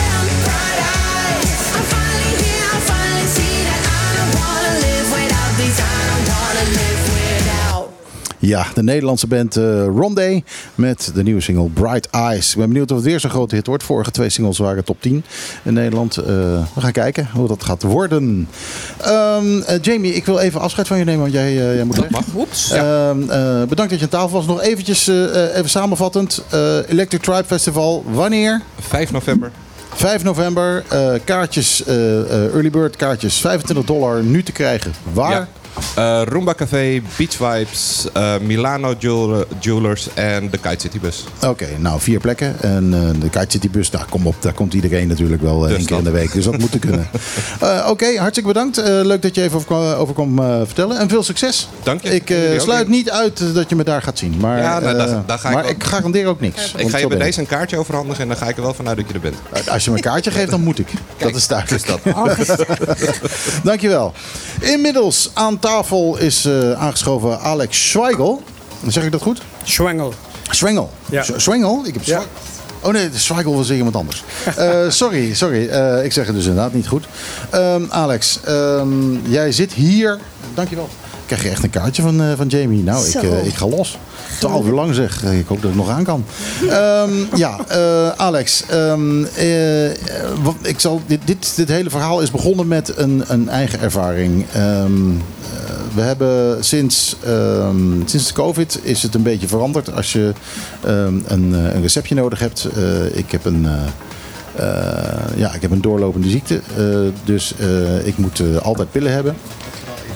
Ik, uh, tijdens de COVID was het zo dat als je, ehm, als je medicijnen nodig had, dan belde je naar de dokter. En de dokter die, die nam jouw bestelling op en die gaf het door aan de, aan de botica. Je mocht zelf zeggen welke botica je dat, dat wilde ophalen. En dan kon je dat een dag later terug ophalen bij de botica. Ondertussen is het zo, COVID is redelijk voorbij. Tenminste voor ons dan. Ehm, en nu kost het twee dagen. Als je, als je uh, na half, wat is het, na half elf belt, dan uh, duurt het twee dagen voordat je je medicijnen kan ophalen. Uh, ik belde vorige week woensdag. Uh, om mijn pillen. En uh, moesten dus vrijdag ophalen bij Botica Corona. Ik kom bij Corona, daar werd ik weggestuurd. Toen zeiden ze, ja nee, we hebben hier crisis, dus dat gaat niet. Uh, ga maar naar Maredal, naar het ziekenhuis. dus ik kreeg mijn eigen receptje kreeg ik weer in mijn handen gedeeld. en toen ben ik naar Maredal gegaan. daar zagen ze mij met mijn receptje. Natuurlijk, ik braaf binnenkomen, wachten. het was op dat moment zo dat het scherm naar beneden was. Officieel zijn ze dan helemaal open, maar het scherm was helemaal naar beneden. Ehm, dat zou uh, na, na, een beetje praten met de mensen die daar, uh, die daar werken en die daar een beetje rondhingen. Uh, ja, zou dat om twee uur naar boven gaan. Eh, het was tien over half drie toen ze weer open gingen. Ehm, toen zagen ze mijn receptje en toen zeiden ze van ja, nee, dat gaan we nu even niet voor elkaar krijgen. Kom maandag maar weer terug. Vervolgens kom ik op maandag terug. En, en had jij nog genoeg pillen voor de weekend? nee. Nee. Uh, vervolgens kom ik op maandag terug. En uh, toen werd ik weer weggestuurd. Uh, van ja, we hebben nu geen tijd. kan allemaal niet. kom morgen maar, dan hebben we het klaar. Dus uiteindelijk op dinsdagochtend heb ik mijn, mijn pillen gekregen dat is niet echt handig om een week later pillen te krijgen. Kortom, er, er, is een personeelstekort, heb ik me laten vertellen. Um, en uh, er heerst een ziekte, waarschijnlijk COVID, denk ik, uh, onder uh, het apotheekpersoneel. Maar goed, dat zijn allemaal aannames. Wat is er nu echt aan de hand? Sorry, de telefoon gaat weer. Ehm, in ieder geval dank voor, voor de ruimte om dit natuurlijk even toe te lichten. Dat was niet makkelijk trouwens. dat moet ik ook nog even bij zeggen. Want ik heb bij, bij de apotheek gevraagd naar iemand die ik daarover kon bellen. die heb ik gebeld. toen werd opeens ehm, het contact verbroken direct nadat ik had gezegd radioprogramma op de klippen. Toen opeens ging iets mis bij Telbo, denk ik. en ik heb diezelfde mevrouw nog twee keer gebeld waarbij de telefoon op, overging, maar niet werd opgenomen. Dat zal ook wel door Telbo komen. Maar twee minuten later werd ik gebeld door um, Bernie Elhagen. Die ehm, had twee mensen die bij ons aan het programma zouden komen zitten. Uh, ik heb die mensen gebeld. Uh, dat kon opeens niet. De een moest naar Nederland en de ander uh, die had opeens een andere afspraak. en uiteindelijk na nog lang bij Bernie aan te, kloppen, hebben we jou gekregen. Dus jij bent de nummer vier eigenlijk van, van mensen die we aan de tafel hebben gevraagd. en pas de vierde komt. Maar daarom ben ik ook heel erg blij dat je daar bent. Bon, ik voel me niet als nummer vier, maar dat even terzijde. Um, dit is een lang lopend verhaal. Dus het is inderdaad jammer dat, dat de service naar jou toe niet uh, op de wijze heeft plaatsgevonden waarop het hoort eigenlijk. Uh, dat er wat vertraging kan, in kan zitten gezien de omstandigheden, is dat niet verwonderlijk. Dat zal ik zo direct toelichten. Uh, maar ik denk dat je wel uh, de, de wonden ook behoorlijk kan verzachten als je ook goede toelichting geeft. Ja, dus inderdaad. Je, nou, en dat, dat, dat gebeurt in ieder geval nou, dat, dus dat, daar, nou, daarom zit je hier ook. Dat, dat gebeurt vaak uh, in de retrospectief, dus achteraf. En dat heeft te maken ook dat het even de tijd kost voordat je alles op een rit hebt. Dus op het moment dat het derailleert, dan kost het even om A, overzicht te krijgen. Wat, wat is precies aan de hand? Hoe gaan we dat oplossen? En wat kunnen we waarmaken? Want je kan wel heel snel naar de radio gaan of de krant, iets plaatsen. Maar als je het vervolgens niet kan waarmaken, is dat mijns nog, nog schadelijker. Aan de andere kant, je moet wel ervoor zorgen dat mensen wel medicijnen krijgen. Al zou je een stripje hebben meegekregen voor weekend, was dat wel licht achteraf wel beter geweest. Ja. Want zonder medicijnen zitten is niet handig. Aan de andere kant is dan meteen de boodschap aan iedereen die chronisch medicijnen gebruikt. Wacht niet totdat het bijna op is. Haal het op tijdig op voor de komende tijd de, de tekorten heeft. Ja, maar dan moet je. Eh, goed, mijn ervaringen wijzen nu uit de, dat je minimaal een week van tevoren al uh, daarmee moet komen, omdat je anders in problemen kan komen. en soms nee, heb je acuut medicijnen nodig. Ja, maar la, la, ik zal even een verhaal vertellen, anders komt het niet goed over.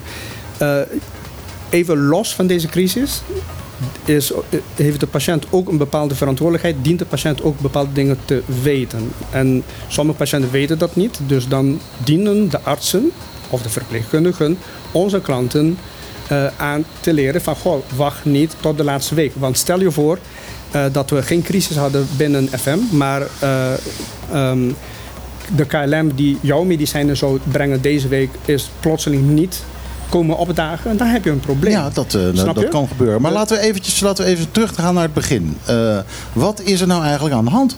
Nou, er is veel meer aan de hand. Dus dit probleem, zoals ik zei, het is een langlopend probleem. Uh, vorig jaar al, uh, het broeide eigenlijk al jaren, maar sinds vorig jaar hebben we met name een enorm tekort aan personeel.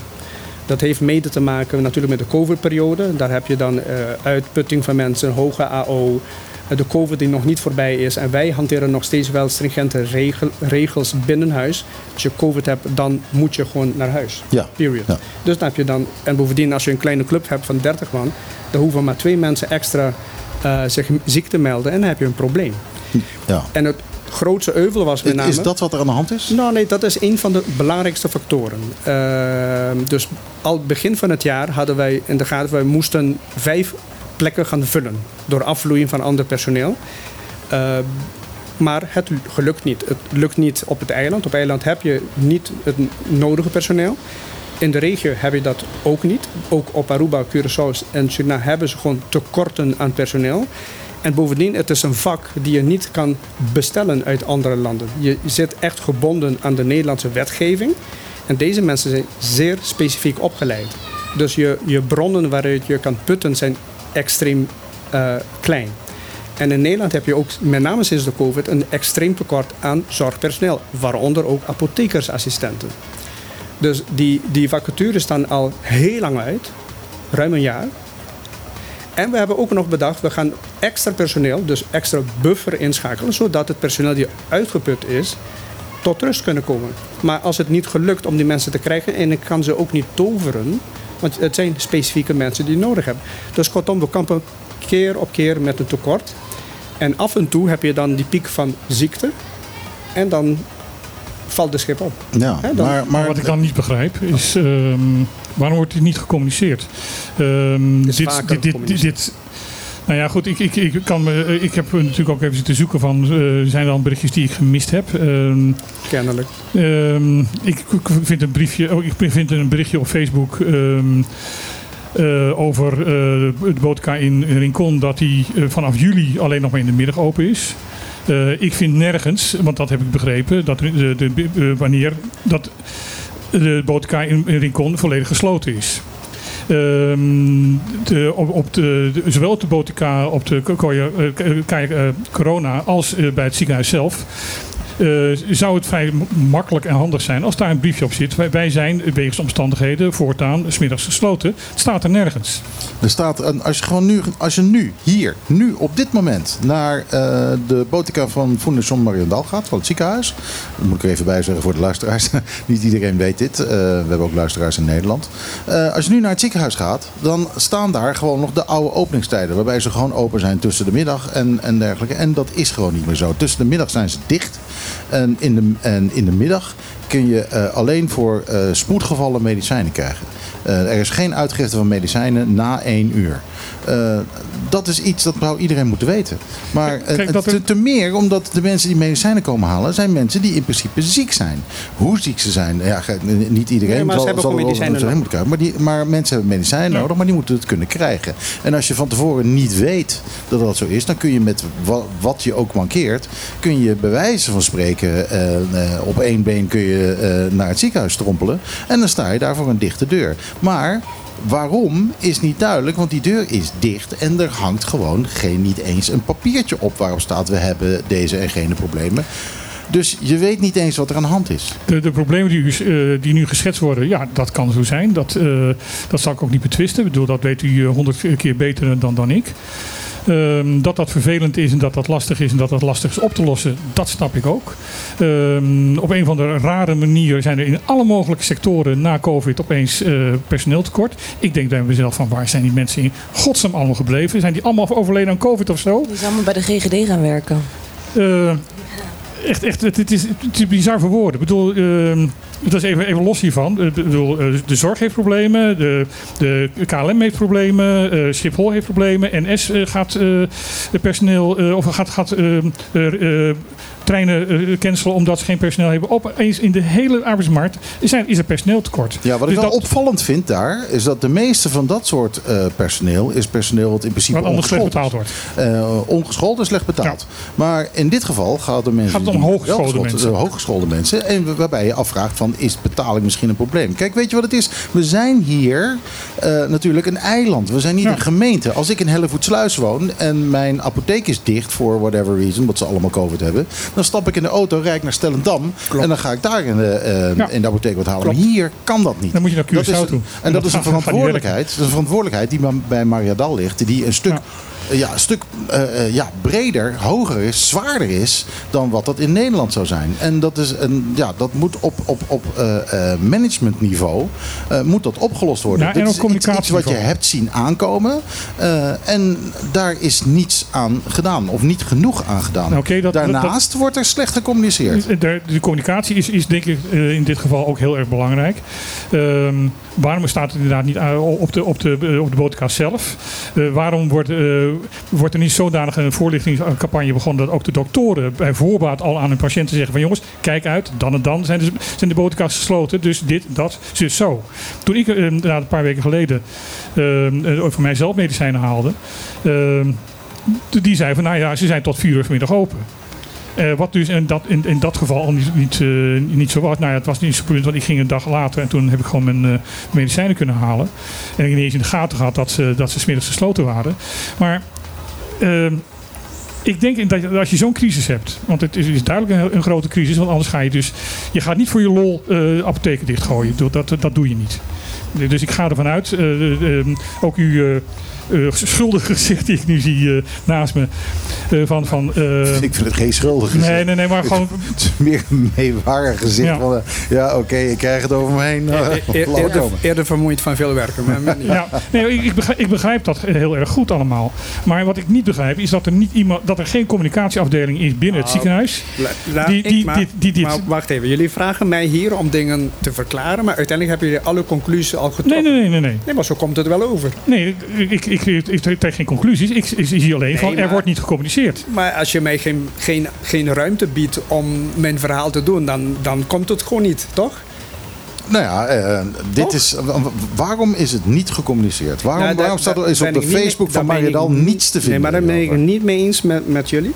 Er is wel degelijk gecommuniceerd. En ja, dat klopt. De dingen lopen altijd achter de feiten aan. Maar dat heb ik net tevoren al verteld. Mhm. Het heeft een tijd nodig. Voordat je gaat communiceren dat er een crisis is. Want als je zegt van het is een crisis, punt. En dan houdt het op. Dan heb je niks aan. Dan ik heb vind dat ook wel een groot woord hoor, crisis. Ja, nee, maar dat is het ja, wij pakken het wel aan, want het heeft wel een direct groot effect. Dus het is niet zo dat Maria Daal niet beseft dat er een, een groot effect is. Mhm. Nee, dat beamen we alleen maar. Ja. En, en we pakken ook serieus op. We hebben zelf nu gekozen, want dit is vaker voorgekomen. En we lijken alsof het, als, als het ware niet uit dat dal te komen van een tekort aan personeel. Juist. En we hebben extreem, by the way, bij deze mijn groot respect van het personeel die wel werkt en hun tijd insteekt en maand in, maand uit overtime pleegt. Want dus als je af en toe iemand aan de balie hebt die een beetje nors overkomt, neem hem of haar niet kwalijk. Mhm. Meld het wel. Maar het heeft te maken met uitputting. De mensen zijn maar, moe. Maar hun neem ik niks kwalijk. Nee, maar nou, de, de service heeft wel met alles te maken ook hoe je mensen tegemoet komt en bejegent. Want als je een nee gaat verkopen met een bomgezicht, is het heel anders als je dat toch met een iets vrolijker gezicht gaat verkopen. Dat is gewoon een feit voor de, voor de beleving van de klant. Ja, maar ik begrijp heel goed dat de mensen dit, dat, dat ze dit niet met een glimlach kunnen doen. Dus de communicatie liep een beetje achter, dus waarvoor de excuses, maar die loopt wel. Uh, ten tweede, wij pakken dit wel aan als een crisis, want het is echt menens en serieus, zeker door Raad van Bestuur. Uh, en zeker door managementteam. Alleen er zijn bepaalde dingen die wij niet uh, in handen hebben. Ik kan geen mensen toveren. En ja, ik neem de kritiek mee. De communicatie kan uh, geoptimaliseerd worden. En dat, daar zijn we mee bezig. Is er, is er, is er iemand bij, um, is er iemand bij Maria Dal die uh, een, een etiketje uh, communicatie op zijn borst heeft ja, die hebben we. is, die, is die er? Ja. Want uh, uh, zoals gezegd, op, op, op de meest voor de hand liggende ja. plekken, hè, op Facebook, Mariedal, staat hier niets over. Niets over die veranderende openingstijden, niets over de veranderende service. Zo, zoals gezegd, ik ben zelfs nog speciaal naar het ziekenhuis gereden om te kijken of er nu wel wat op de deur hangt. Maar dat is nog steeds niet het geval. Dit probleem loopt al minimaal een week. dat, dat dus de, de, de, de zieke of de uh, botica's niet gewoon open kunnen. En ik vraag me af ehm, of de consolidatie van alle apotheken bij elkaar hierin niet een deel van het probleem is. Want als het even misgaat bij Mariedal, dan gaat het ook meteen mis bij corona. En dan gaat het ook mis in Rincon. Ja, maar het is één, het is één apotheek. Hè? Het zijn wel drie locaties. Ja, maar, dat, is, maar dat, is die dat is die consolidatie. Dat was het niet.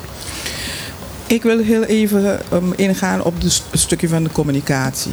Um, mijns inziens zou het iedereen beter uitkomen om in plaats van te wachten tot ook een oplossing is gevonden voor het probleem wat zich voordoet vooruitlopend op de oplossing in ieder geval te melden aan de mensen van zus en zo is gaande.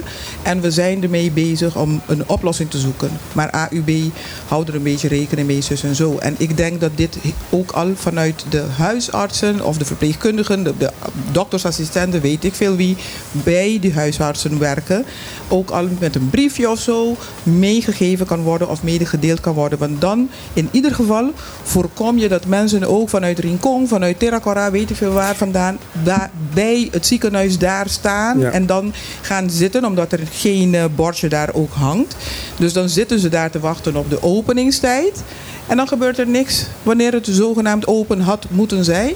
En om dan te horen van uh, het gaat niet meer open of vandaag doen we niks meer mee. Dus ik zou willen voorstellen om even eraan ja, te denken of het misschien toch handiger is om in ieder geval een, een, eh, een voorbode te geven dat er iets aan de hand is. Ze hoeven niet eens te weten wat er aan de hand is. Botica kan niet openen om, om, eh, om zus en zo. Of laten we het vanuit de positieve kant bekijken. Ja, Botica is open van 6 of van 7 uur s ochtends tot uh, eh, 12 uur s middags. Voor de komende week. Hou u, houdt u daar alsjeblieft rekening mee. Maar die berichtgeving is uit. Alleen, ik kan niet garanderen dat het niet overal aankomt. Maar dat is wel de verantwoordelijkheid van het ziekenhuis om te zorgen dat het aankomt. Alex, nee, maar... laat, mij, laat mij zien. Pak je telefoon, laat mij zien waar die berichtgeving te vinden is. Ik denk dat de verantwoordelijkheid van het ziekenhuis vooral zorgen voor de mensen is. En dan ook zorgen voor hun eigen personeel, zodat die lekker in een vel zit en mhm. goed hun werk kan doen. Zodat als wij allemaal ziek worden, de beste zorg ja, krijgen. Vanzelfsprekend. En dan zal het gevolg van de apothekersproblemen vanzelf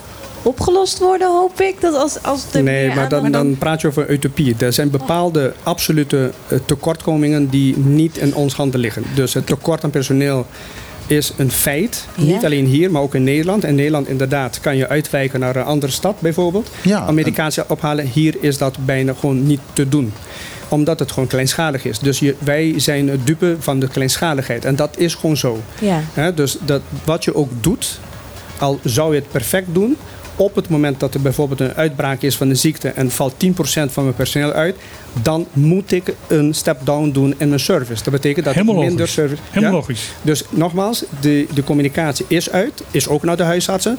Maar ik kan niet garanderen dat niet iedereen gaat lezen of even luisteren naar de radio of wat dan ook. En om het nog een keer aan te dikken over de, uh, over de communicatie. Wij plannen in voor uh, toch weer een persconferentie gezien de impact van dit gebeuren. Maar dat gebeurt dan volgende week woensdag. Ja. En ja, uh, ik dat is rijkelijk nou, laat. Nee, maar, ja, ja, het is wat, wat te laat, maar het is altijd in een wording. Ja, maar persbericht is en, een half uurtje geschreven. En even terug, en het gaat niet dat je de oplossing hebt. Want als ik de oplossing zou hebben, hadden we dit probleem niet eens gehad. Nee, maar laat ik even heel duidelijk stellen. U wordt, uh, en het ziekenhuis en ook de apotheek wordt niet aangevallen op het probleem. Het probleem is duidelijk. De communicatie, ja. Uh, het probleem is duidelijk. Het probleem is, is groot. Het probleem is, is heftig en lastig op te lossen. Uh, daar hebben we alle begrip voor, denk ik. Ik denk dat het hele eiland begrip heeft voor het feit dat dat probleem er bestaat. Er zijn meer sectoren hier op het eiland. Het toerisme heeft er ook last van, van dat personeelsgebrek. U zit dan met een, een groot probleem, omdat u hoog uh, uh, opgeleid personeel nodig heeft. En dat, uh, dat, dat, haal je niet even ergens uit, uit een blikje. Nee. dat, dat, daar moeten mensen voor opgeleid worden, moeten mensen hier ja, naartoe gehaald worden. Wij, wij zitten wel aan de toekomst te denken, want als je alleen in personeel denkt, dan blijft dat voor de komende jaren een probleem. Dus wat wij gaan doen is kijken hoe we de druk van de personeel kunnen wegnemen door bijvoorbeeld innovatie. En dat duurt ook even. Natuurlijk. Ja, bijvoorbeeld, er komen per, per apotheker komt een uitgifteautomaat.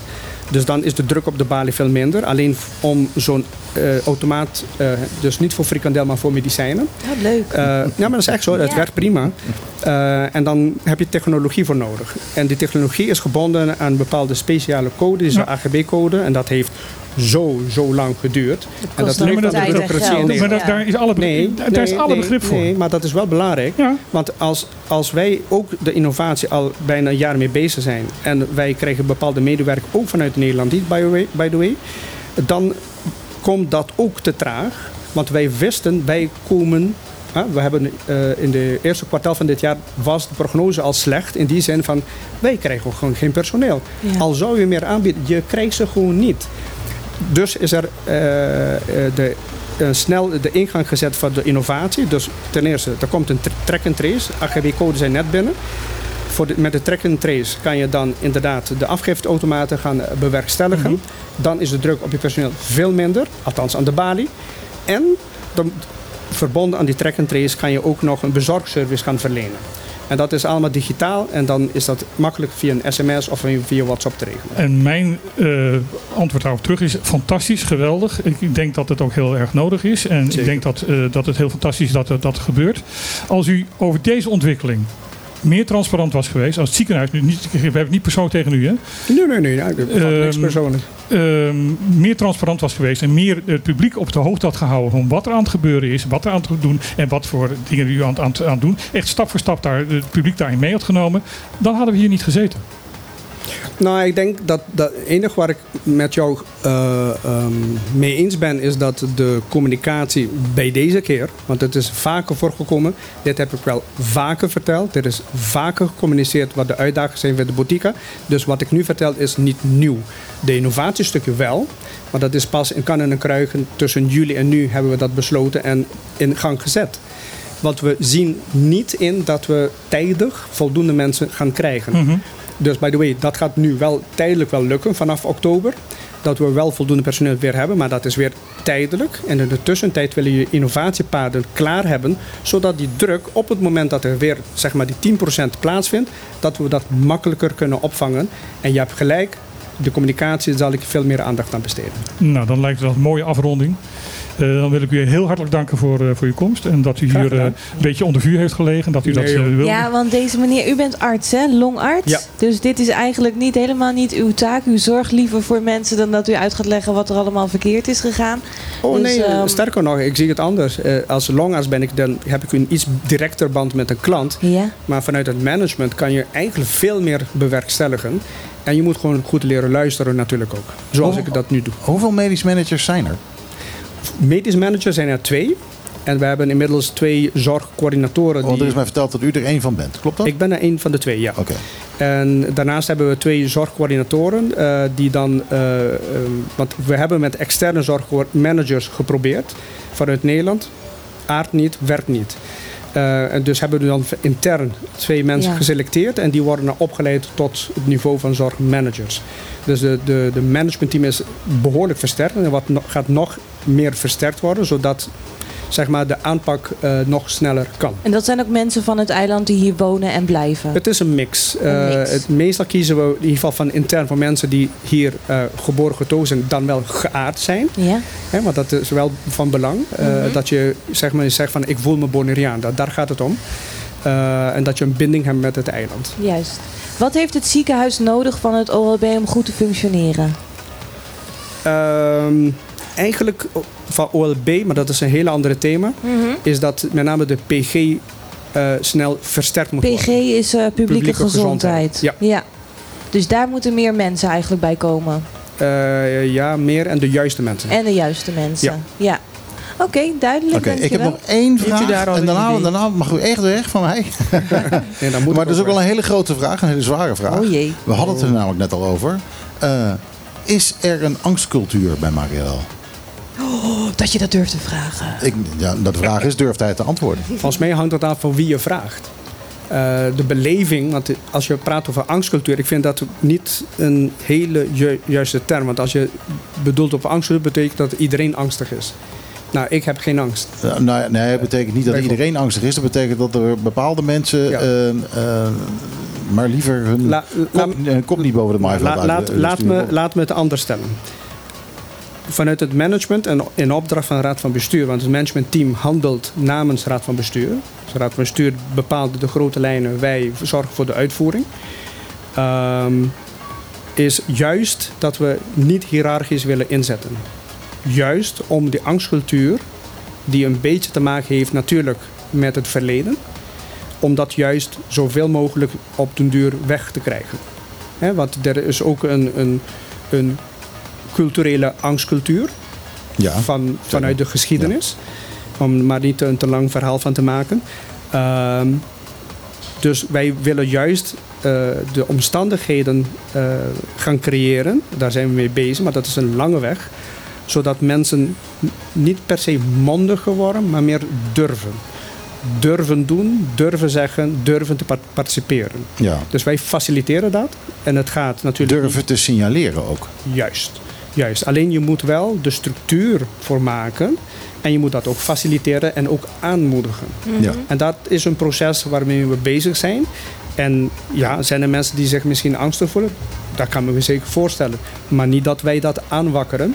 En ehm, nou ja, als je toevallig dan een bepaalde mensen gaat eh, eh, vragen die, waarvan, waarvan wij afscheid hebben genomen voor bepaalde specifieke redenen, die zullen natuurlijk zeggen, ja natuurlijk is er een angstcultuur. Maar ik vind zelf dat onze aanpak ehm, eh, juist bezig is om zeg maar, een cultuur te creëren om dat tegen te gaan. Om het samen te doen. Net als in de zorg, net als in de horeca, net als in het leger. Eén team, één Overal. taak. En je bent Natuurlijk. zo sterk als de zwakste schakel. Zo is dat. Bon, Oké. dankjewel. Alex Zwengel, hartstikke bedankt voor je tijd. Graag gedaan. Eh, deze keer echt. Eh, ik ga weer een plaatje draaien. Dit is eh, eh, de nieuwe single van Dean Lewis. En zijn vader heeft zijn pillen niet op tijd gekregen. Die is overleden en daar gaat dit liedje over. Early morning, there's a message on my phone. It's my mother saying, Darling, please come home. I fear the worst, how could you leave us so fake when I look at mine? So how do I, how do I, how do I say goodbye? So how do I, how do I, how do I say goodbye?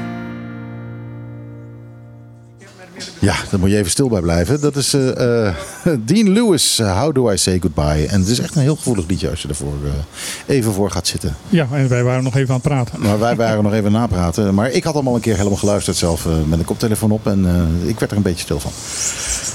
Eh, we hebben nog ongeveer een kwartiertje te gaan. Ja, ja, Eh, ja, en ja. eh, we hebben nog helemaal geen eh, nieuws. Nou ja, we hebben wel over, Ja, we hebben ja, over heel veel nieuws gehad. Alleen Nee, niet we toch hebben wel. altijd een hele grote lijst met nieuws. En daar hebben we nog helemaal niks eh, gehad. Nou, ik heb mee leren leven dat, eh, dat die lijst eh, gewoon. eh, Er zit een, er zit een suikerdiefje boven me volgens mij. Er gebeurt gewoon heel veel. jongens, zijn er, eh, nou, jongens, Ja. zijn er dingen waarvan jullie denken van daar wil ik het nog even over hebben? Hogere lonen in de toeristische sector, alstublieft. Want we zitten nu op 1100 minimumloon Nee. al fulltime. 1005 1045. Nog minder zelf.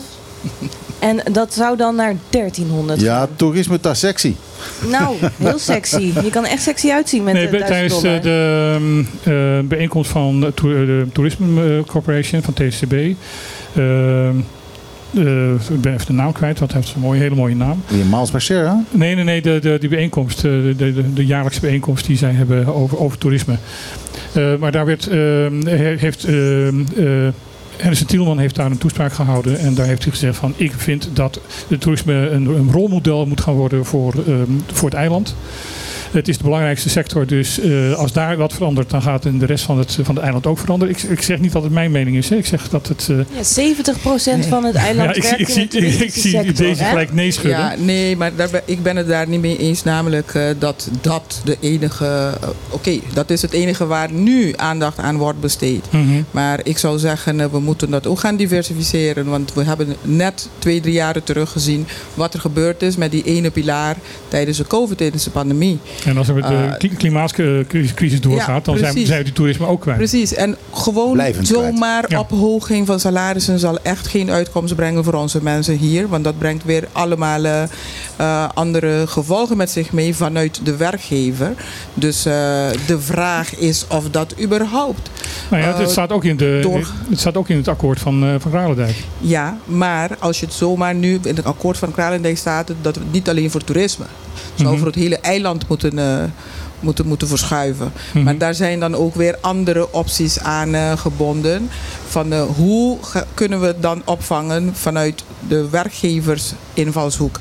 Maar als eh Hennison nu alleen maar van de, bij, de, bij het toerisme een verhoging wilt, dat is volgens mij gewoon zoeken eh, voor problemen voor die mensen die in de toeristische sector eh, aan het werk zijn. Het is niet Nou, alleen het, is, het is een soort van trickle-down economics, is het niet? Als de mensen die in toerisme eh, werken wat meer geld hebben, die geven hun geld hier eh, verder uit. Wij, to- toerisme is de pilaar.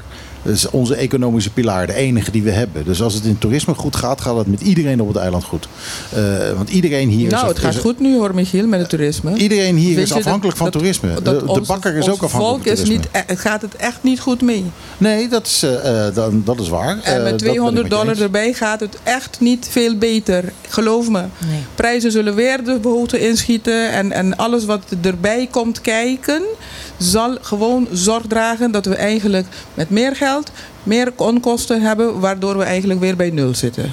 Dat is het moet gewoon vooral. eh, over de brede lijn aangepakt en opgepakt worden. Ja, want ook de zorg wordt onderbetaald. Ik weet, eh, de kleuterleidsters worden onderbetaald. Het is, maar dus eh, daarom, het is, het is gewoon een, een, een kwestie van... eh, dit moet gewoon eilandsbreed opgepakt worden. Je kan het niet per sector gaan oppakken, want dan heb je gewoon meteen een probleem zelf in de hand genomen. En dan, hoe doen we dat dan met de rest? Ehm, wat ik merk is van dat Clark Abraham zegt van... ehm, eh, dat, dat minimumloon, dat kunnen we op Nederland gaan, hè, dat, dat sociaal minimum, dat kunnen we op Nederland gaan zitten wachten. We kunnen het ook zelf gaan bepalen. Wat, wat vind jij daarvan? Ik ben het daar helemaal mee eens. Ik ben, ik ben eentje die ook heel vaak dat heeft gezegd. Waarom moeten we altijd op Nederland, Nederland wachten? Waarom hangen we altijd aan Nederland om bepaalde dingen hier door te kunnen voeren? Of in ieder geval aan te geven van wij willen dit. Eh, heb je ooit deze, dit bestuurscollege horen zeggen van wij willen het zus en zo? Er is gewoon hier een tekort aan initiatief nemen in, op, op alle gebieden. Misschien dat het eh, bestuurscollege een beetje bang is voor de Nederlandse overheid. Zou Daar- zou het een daar angstcultuur angstcultuur zijn? En dan komt het daar vandaan en dat spelen ze zo weer door. Dat zie je toch ook op de middelbare scholen. De Ja. docenten die ook nog met elkaar in clubjes zitten. Dat speelt zich weer door op de jongeren die ook nog met elkaar in clubjes zitten. Er is eigenlijk maar, maar weinig organen die het juiste voorbeeld geven. Nou ja, ik, ik denk, ik bedoel, kijk naar Saba. Daar gooien ze, gewoon nu, ze nu nog gewoon de, de kont tegen de krip. En, en ze, het wordt gezien als het braafste jongetje van de klas, maar is helemaal niet zo. Want ze gooien regelmatig daar. eh, zijn ze heel eh, recalcitrant en, en doen ze gewoon wat, wat ze zelf willen. Omdat ze zelf het initiatief in handen hebben genomen en zelf naar Nederland toe gaan met hun wensen, wat zij wensen voor dat, dat, dat stukje rots daar. Mhm. Wij zitten hier blijkbaar gewoon in afwachting van wat komt er vanuit de andere kant van de zee hier naartoe. Eh, en meest, precies, en, me- de- en het enige wat, of het enige, de, datgene wat hier naartoe overkomt, is omdat Nederland ook niet wil dat wij hier de vinger op hun wijzen. Dus om toch iets te kunnen doen, doen ze wat. Dus Maar moeten we ik- meer vingerwijzen juist. Ja, Want dan maar, gaan ze maar meer doen. hier, ja, Maar- hier wordt er dan gewoon aangenomen. Hier wordt alles gewoon in een laadje geplaatst. En dan wordt het op het laatste moment wordt nog aangegeven van oké, oh ja, dat ook nog eh, ligt daar nog. En dat wordt volgende week eh, of over twee weken behandeld in de Tweede Kamer. Dus moeten we ook nog een, eh, een briefje over sturen. Ja, wie gaat dat dan behandelen op zo'n laatste moment? Dus dan denk- wordt het briefje gewoon En van ik denk niet alleen, akkoord. ik denk niet dat er alleen met de vinger gewezen moet worden, maar dat er dus net zoals wat, wat, wat Saba doet, met concrete voorstellen moet komen. Van jongens, Maar dus zo, daarom- zo kunnen we het Ja. oplossen. Dus eigen Dus dat is het, initiatief. Eigen initiatief. het initiatief nemen en, en zelf daarheen gaan van dit hebben we nodig, dit willen we zus en zo. Mhm. Help ons om dit te bewerkstelligen, punt. Zijn er organen die eh, zelf initiatief nemen hier zo op het eiland? Hier? Ja? Nee hoor, Nee hè? Het is maar weinig niks. hè? Het is Weinig, niets, gewoon. Iedereen zit in afwachtende houding. Het is net, weet je, dat Boeddha, dat Boeddha-beeld. Zo, gewoon afwachting van wat gaat er gebeuren. En Ja. eh, als het gebeurt, dan zien we wel hoe eh, we ermee om zullen gaan. Dat is ook mijn ervaring land die moet voor zorgen.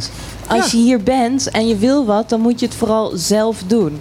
Dat is niemand biedt je een stoel aan om op te gaan zitten. Je moet zelf die stoel pakken en er zelf bij gaan zitten. Mhm. Dat is een beetje mijn ervaring hier op het eiland. En dat, is dus, dat klinkt dus door in, in alle ja, bestuursorganen. Hoe kunnen we dat eh, anders veranderen? Zit je naar Meer mij aan te poppetjes. kijken? Ja, kijk, jij bent een initiatiefnemer, eh, Michiel. Eh, kun jij niet meer initiatiefnemers eh, Nou ja, ik, eh, activeren? weet ik, veel. ik heb een keer een Tourstevie ben ik opgestart en dat was een eh, leuk initiatief van mij. Maar eh, meteen eh, werd ik door eilanders werd ik aangevallen dat ik, eh, dat ik banen stal van andere mensen. Ik zeg, maar ik heb mijn eigen baan gemaakt. Ja, maar deed, je, deed jou dat wat?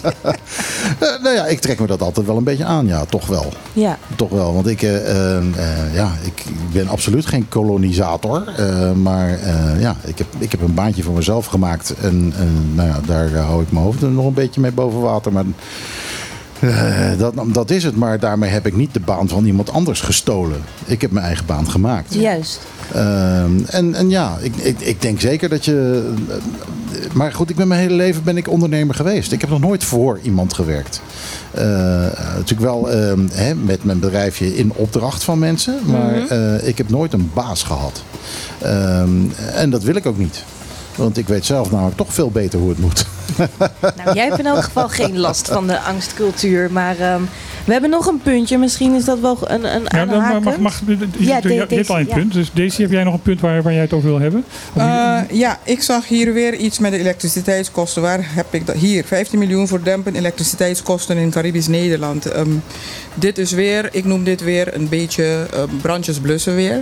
We moeten gewoon, plakken. ja, we moeten gewoon richting een structureel permanent uh, eigenlijk uh, oplossing hiervoor. En uh, dat is eigenlijk gewoon naar duurzaam wacht, wacht energie. Even, wacht even. wij hebben daar een lijntje. Ja, jij mag het lijntje voorlezen. Maar eigenlijk is het dan zo dat Martijn moet uitleggen... wat is hier aan de hand? Waar gaat dit over? Dit gaat over dat er 15 miljoen beschikbaar gesteld wordt... Dat, ehm, door? De, door de Nederlandse regering. Um, om de elektriciteitskosten hier um, ja, door de gestegen kosten iets, iets, iets te, te dempen, ietsjes uh, naar beneden te krijgen. Dat betekent dat de vaste uh, kosten, netwerkbeheer, we betalen twee, uh, twee bedragen, een vast bedrag voor het netwerk, voor, voor het, het, het distribueren van, van, het, van, van de elektriciteit. Daar betaal je een vast bedrag voor. Iedereen op het eiland hetzelfde. Um, daarnaast heb je de variabele kosten, dat zijn de gebruikskosten. Ja. Nou, de, de, de bedoeling is nu dat de komende in ieder geval 2023 de, de, vaste kosten die normaal gesproken voor een normale gebruiker ongeveer op 390 dollar zitten, uh, naar nul gaan. Nou, dat gaat een hoop mensen wel schelen. Ja. En voor alle gebruikers, uh, zowel zakelijk als, uh, als privé, als mensen die geld wel hebben of het geld niet hebben. En daarnaast als de variabele kosten, dus de gebruikskosten, boven de 38 cent, dollar cents per kilowattuur uitkomt, dan gaat de helft van die, wat daar over, overheen gaat, gaat door de regering betaald worden. Oké. Okay. Tot de 15 miljoen op is. Tot de 15 miljoen op is, En ja. dan zijn we weer bij nul. Dan zijn we weer bij nul. En dan wordt er gezegd van ja jongens, uh, nee, ja, ja, stop. precies. Dan mogen we weer beginnen met uh, alle um, onderhandelingen. Ik ben van mening, we hebben een plan, uh, of wij, de WEB heeft een plan om duurzame energie hier op het eiland te regelen. Nederland heeft valikant nee gezegd tegen de subsidie of financiering van dat plan. Het is een goed plan, heb ik begrepen. ja, het is een goed plan. Uh, het probleem is dat WEB zelf de elektriciteit niet opwekt. Dus dat is dan aangegeven als reden waarom het niet gesubsidieerd kan worden. Want WEB die distribueert. Maar die heeft dus een uh, aanvraag ingediend voor het opwekken van elektriciteit. Duurzaam. Ja. Maar mm -hmm. dat wordt dus door, weer door Contour Global gedaan. En het hele Contour Global komt dan weer niet aan bod in de aanvraag. Dus, en dat is het probleem? Dus dat heb ik begrepen. Maar ik heb begrepen dat de, de, de, het contract met Contour Global uh, afloopt. Die loopt binnenkort af, maar dan is het de vraag wat gaat er dan gebeuren? Want als Contour Global nu gewoon de zaak sluit en weggaat, wie gaat de elektriciteit opwekken. Want Ja. de web die distribueert Maar alleen. je, Dus je weet, gewoon een, maar je weet als overheid dat het, dat eh, contract afloopt. Eh, Wordt er dan niet gekeken naar eventuele alternatieven? Nou, voor zover ik het weet is dit eh, nog niet. Ik heb het al een paar keer in de afgelopen jaren aangekaart. En er is nog geen één keer echt specifiek duidelijk hierover naar ons in de raad gecommuniceerd. Ehm, men, mind you, die van Salt Company die, die loopt eerder af. En zelfs daarvan horen we niks. Hm. Dus ze zijn ermee bezig, hebben ze aangegeven, maar wij horen maar niks. Communicatie weer, hè? Wat ja, is het is gewoon, eh, het is gewoon een, een, een lamlendige toestand met dat informatie die altijd achteraf komt of helemaal niet komt. En wij lezen ervan dan ook in de media op hetzelfde moment dat jullie ook ervan eh, eh, of erover lezen in de media. Eh, dit is gewoon, eh, ik, ik noem het gewoon een planning van nul echt nul op het orkest krijgen ze hiervoor. Een brevet van onvermogen noem ik dit gewoon aan jezelf geven. Want dit is gewoon, eh, zijn gewoon topics die je van tevoren moet plannen om TZT grote problemen te kunnen voorkomen. Eh, het gaat wel om garantie van elektriciteit op een heel eiland hier. Als dat fout gaat, TZT, dan hebben we gewoon een probleem. Dan moeten we weer leren kamperen. Exactly. En, vuur- en vuurtjes ja. stoken om, En- eh, en- om te koken. En we kunnen niet blijven hangen in deze um, tijdelijke, um, um, um, projectmatige beetje geld wat eh, hier naartoe gestuurd wordt. Want dat komt op een gegeven moment ook weer ten einde. En dan moeten we weer bij, overnieuw beginnen met onderhandelen. En heel veel blijft ook aan de Ja, strijkstokken en iedereen plakken. weet, hè? we moeten gewoon ook aan het klimaat denken. Dus we moeten gewoon richting duurzame energie gaan. Dus we weten dat er een plan ligt. Waarom wordt niet door Nederland gewoon... eh, in dit geval, dit 15 miljoen is voor het Caribisch ge- Nederlands gebied. Dus ook en Maar er, er is wel een bericht van dat er 10 miljoen extra is gereserveerd. Dat er 10 miljoen naar de BPT gegaan is, bij de Bonaire brandstofterminals. Eh, Ja, maar BBT is ook niet van, van ons, hè? nee, dit is van de regering. BBT is van, van de regering van Nederland. Dus En- eh, daar hebben we niet eens en niemand snapt waarom dat in. opgericht is. Eh, nou ja, ik, ik kan me heel veel dingen bij voorstellen. Maar ik vind dat is ook geen garantie voor ons van onze eigen energie. En duurzame energie hier, dat moeten we, ik vind dat daar moeten wij zelf voor zorg kunnen dragen. Willen we elektriciteit hier kunnen garanderen aan het volk.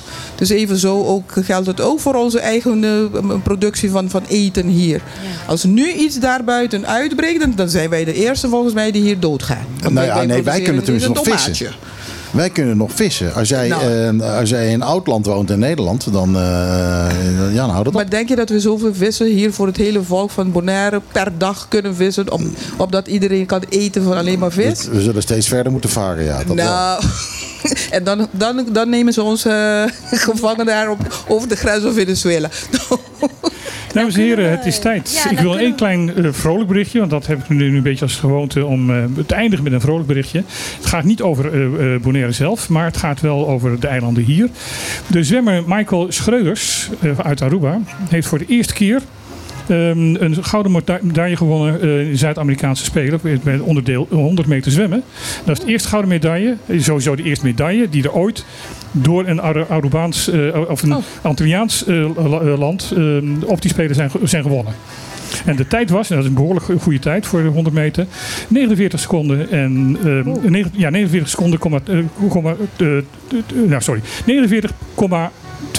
49,82 seconden. Bijna twee meter per seconde. Dat is echt heel snel. Ja. Dat is hartstikke rapido. Hartstikke snel. Ja, goed. Dus, eh, nou, laten we het hiermee eh, afsluiten. Ja, we kunnen denk ik wel concluderen dat we op zoek zijn naar initiatiefnemers die communiceren. En eh nou, bij, hierbij op de klippen staan we ook open. Hè? We mogen Ja, maar er ook- is een personeelstekort, hè? ja, maar dat geeft niet. Ze mogen allemaal bij ons melden en dan eh, gaan wij het allemaal Bij mij voor ze mogen ze ook communiceren. melden, hè? En bij Daisy natuurlijk ook. Ja, te gek dat je er was. Heel, heel leuk om Ja, je zo op heel- deze heel manier te leren bedankt. kennen. Nou, graag gedaan. Te alle tijden als jullie willen dat ik erbij ben. Mits ik de tijden voor heb, ben ik bereid om te komen. Nou, dit gaat nog wel een paar keer gebeuren voor de verkiezingen sowieso. Ja. Ja. Dus hou er maar rekening mee. Ehm, ja, dit was het. Eh, op de klippen. Over, eh, eh, over een week zijn we natuurlijk weer. Zometeen na het nieuws hoor je de Klaat op 20 met Ron Gijzen. Ehm, en wij houden het dus nu voor gezien. Volgende week weer wel. Hebben we al een vast- We hebben geen tafelgast. Nee, nog geen nee. Nee, Ze moeten nog even verzinnen. Nou, dat gaan we zien of dat lukt. Eh, in ieder geval, voor nu is het eh, voorbij. Eh, je kunt deze uitzending terugluisteren. Ehm, via, Martijn, dan kijk ik weer even naar jou, want ik weet het nooit al eh, uit mijn hoofd. Eh, Megahit FM, MHFM, eh, lokaal nieuws, dat moet erachter. Bij alle eh, podcast ehm, platforms die er zijn. of bij Soundcloud. op Soundcloud, daar zijn we ook gewoon terug te vinden. En daar kun je ons opnieuw horen. Daar hoor je het met de muziek en zonder muziek op de podcasts. Bedankt voor het luisteren. Volgende week zijn we er weer. Volgende week om 12 uur. En nu sluiten we af met een zeer welgemeend en zeer vriendelijk ajootje cadeautje. Doei, doei. Elke zaterdag tussen 12 en 2. Michiel, Martijn, Lisan. Wat een feest! Dit is op de klippen.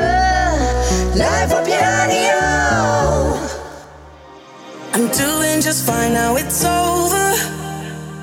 I've been moving on and living my life. But occasionally I lose composure. And I can get you out of my mind if I could go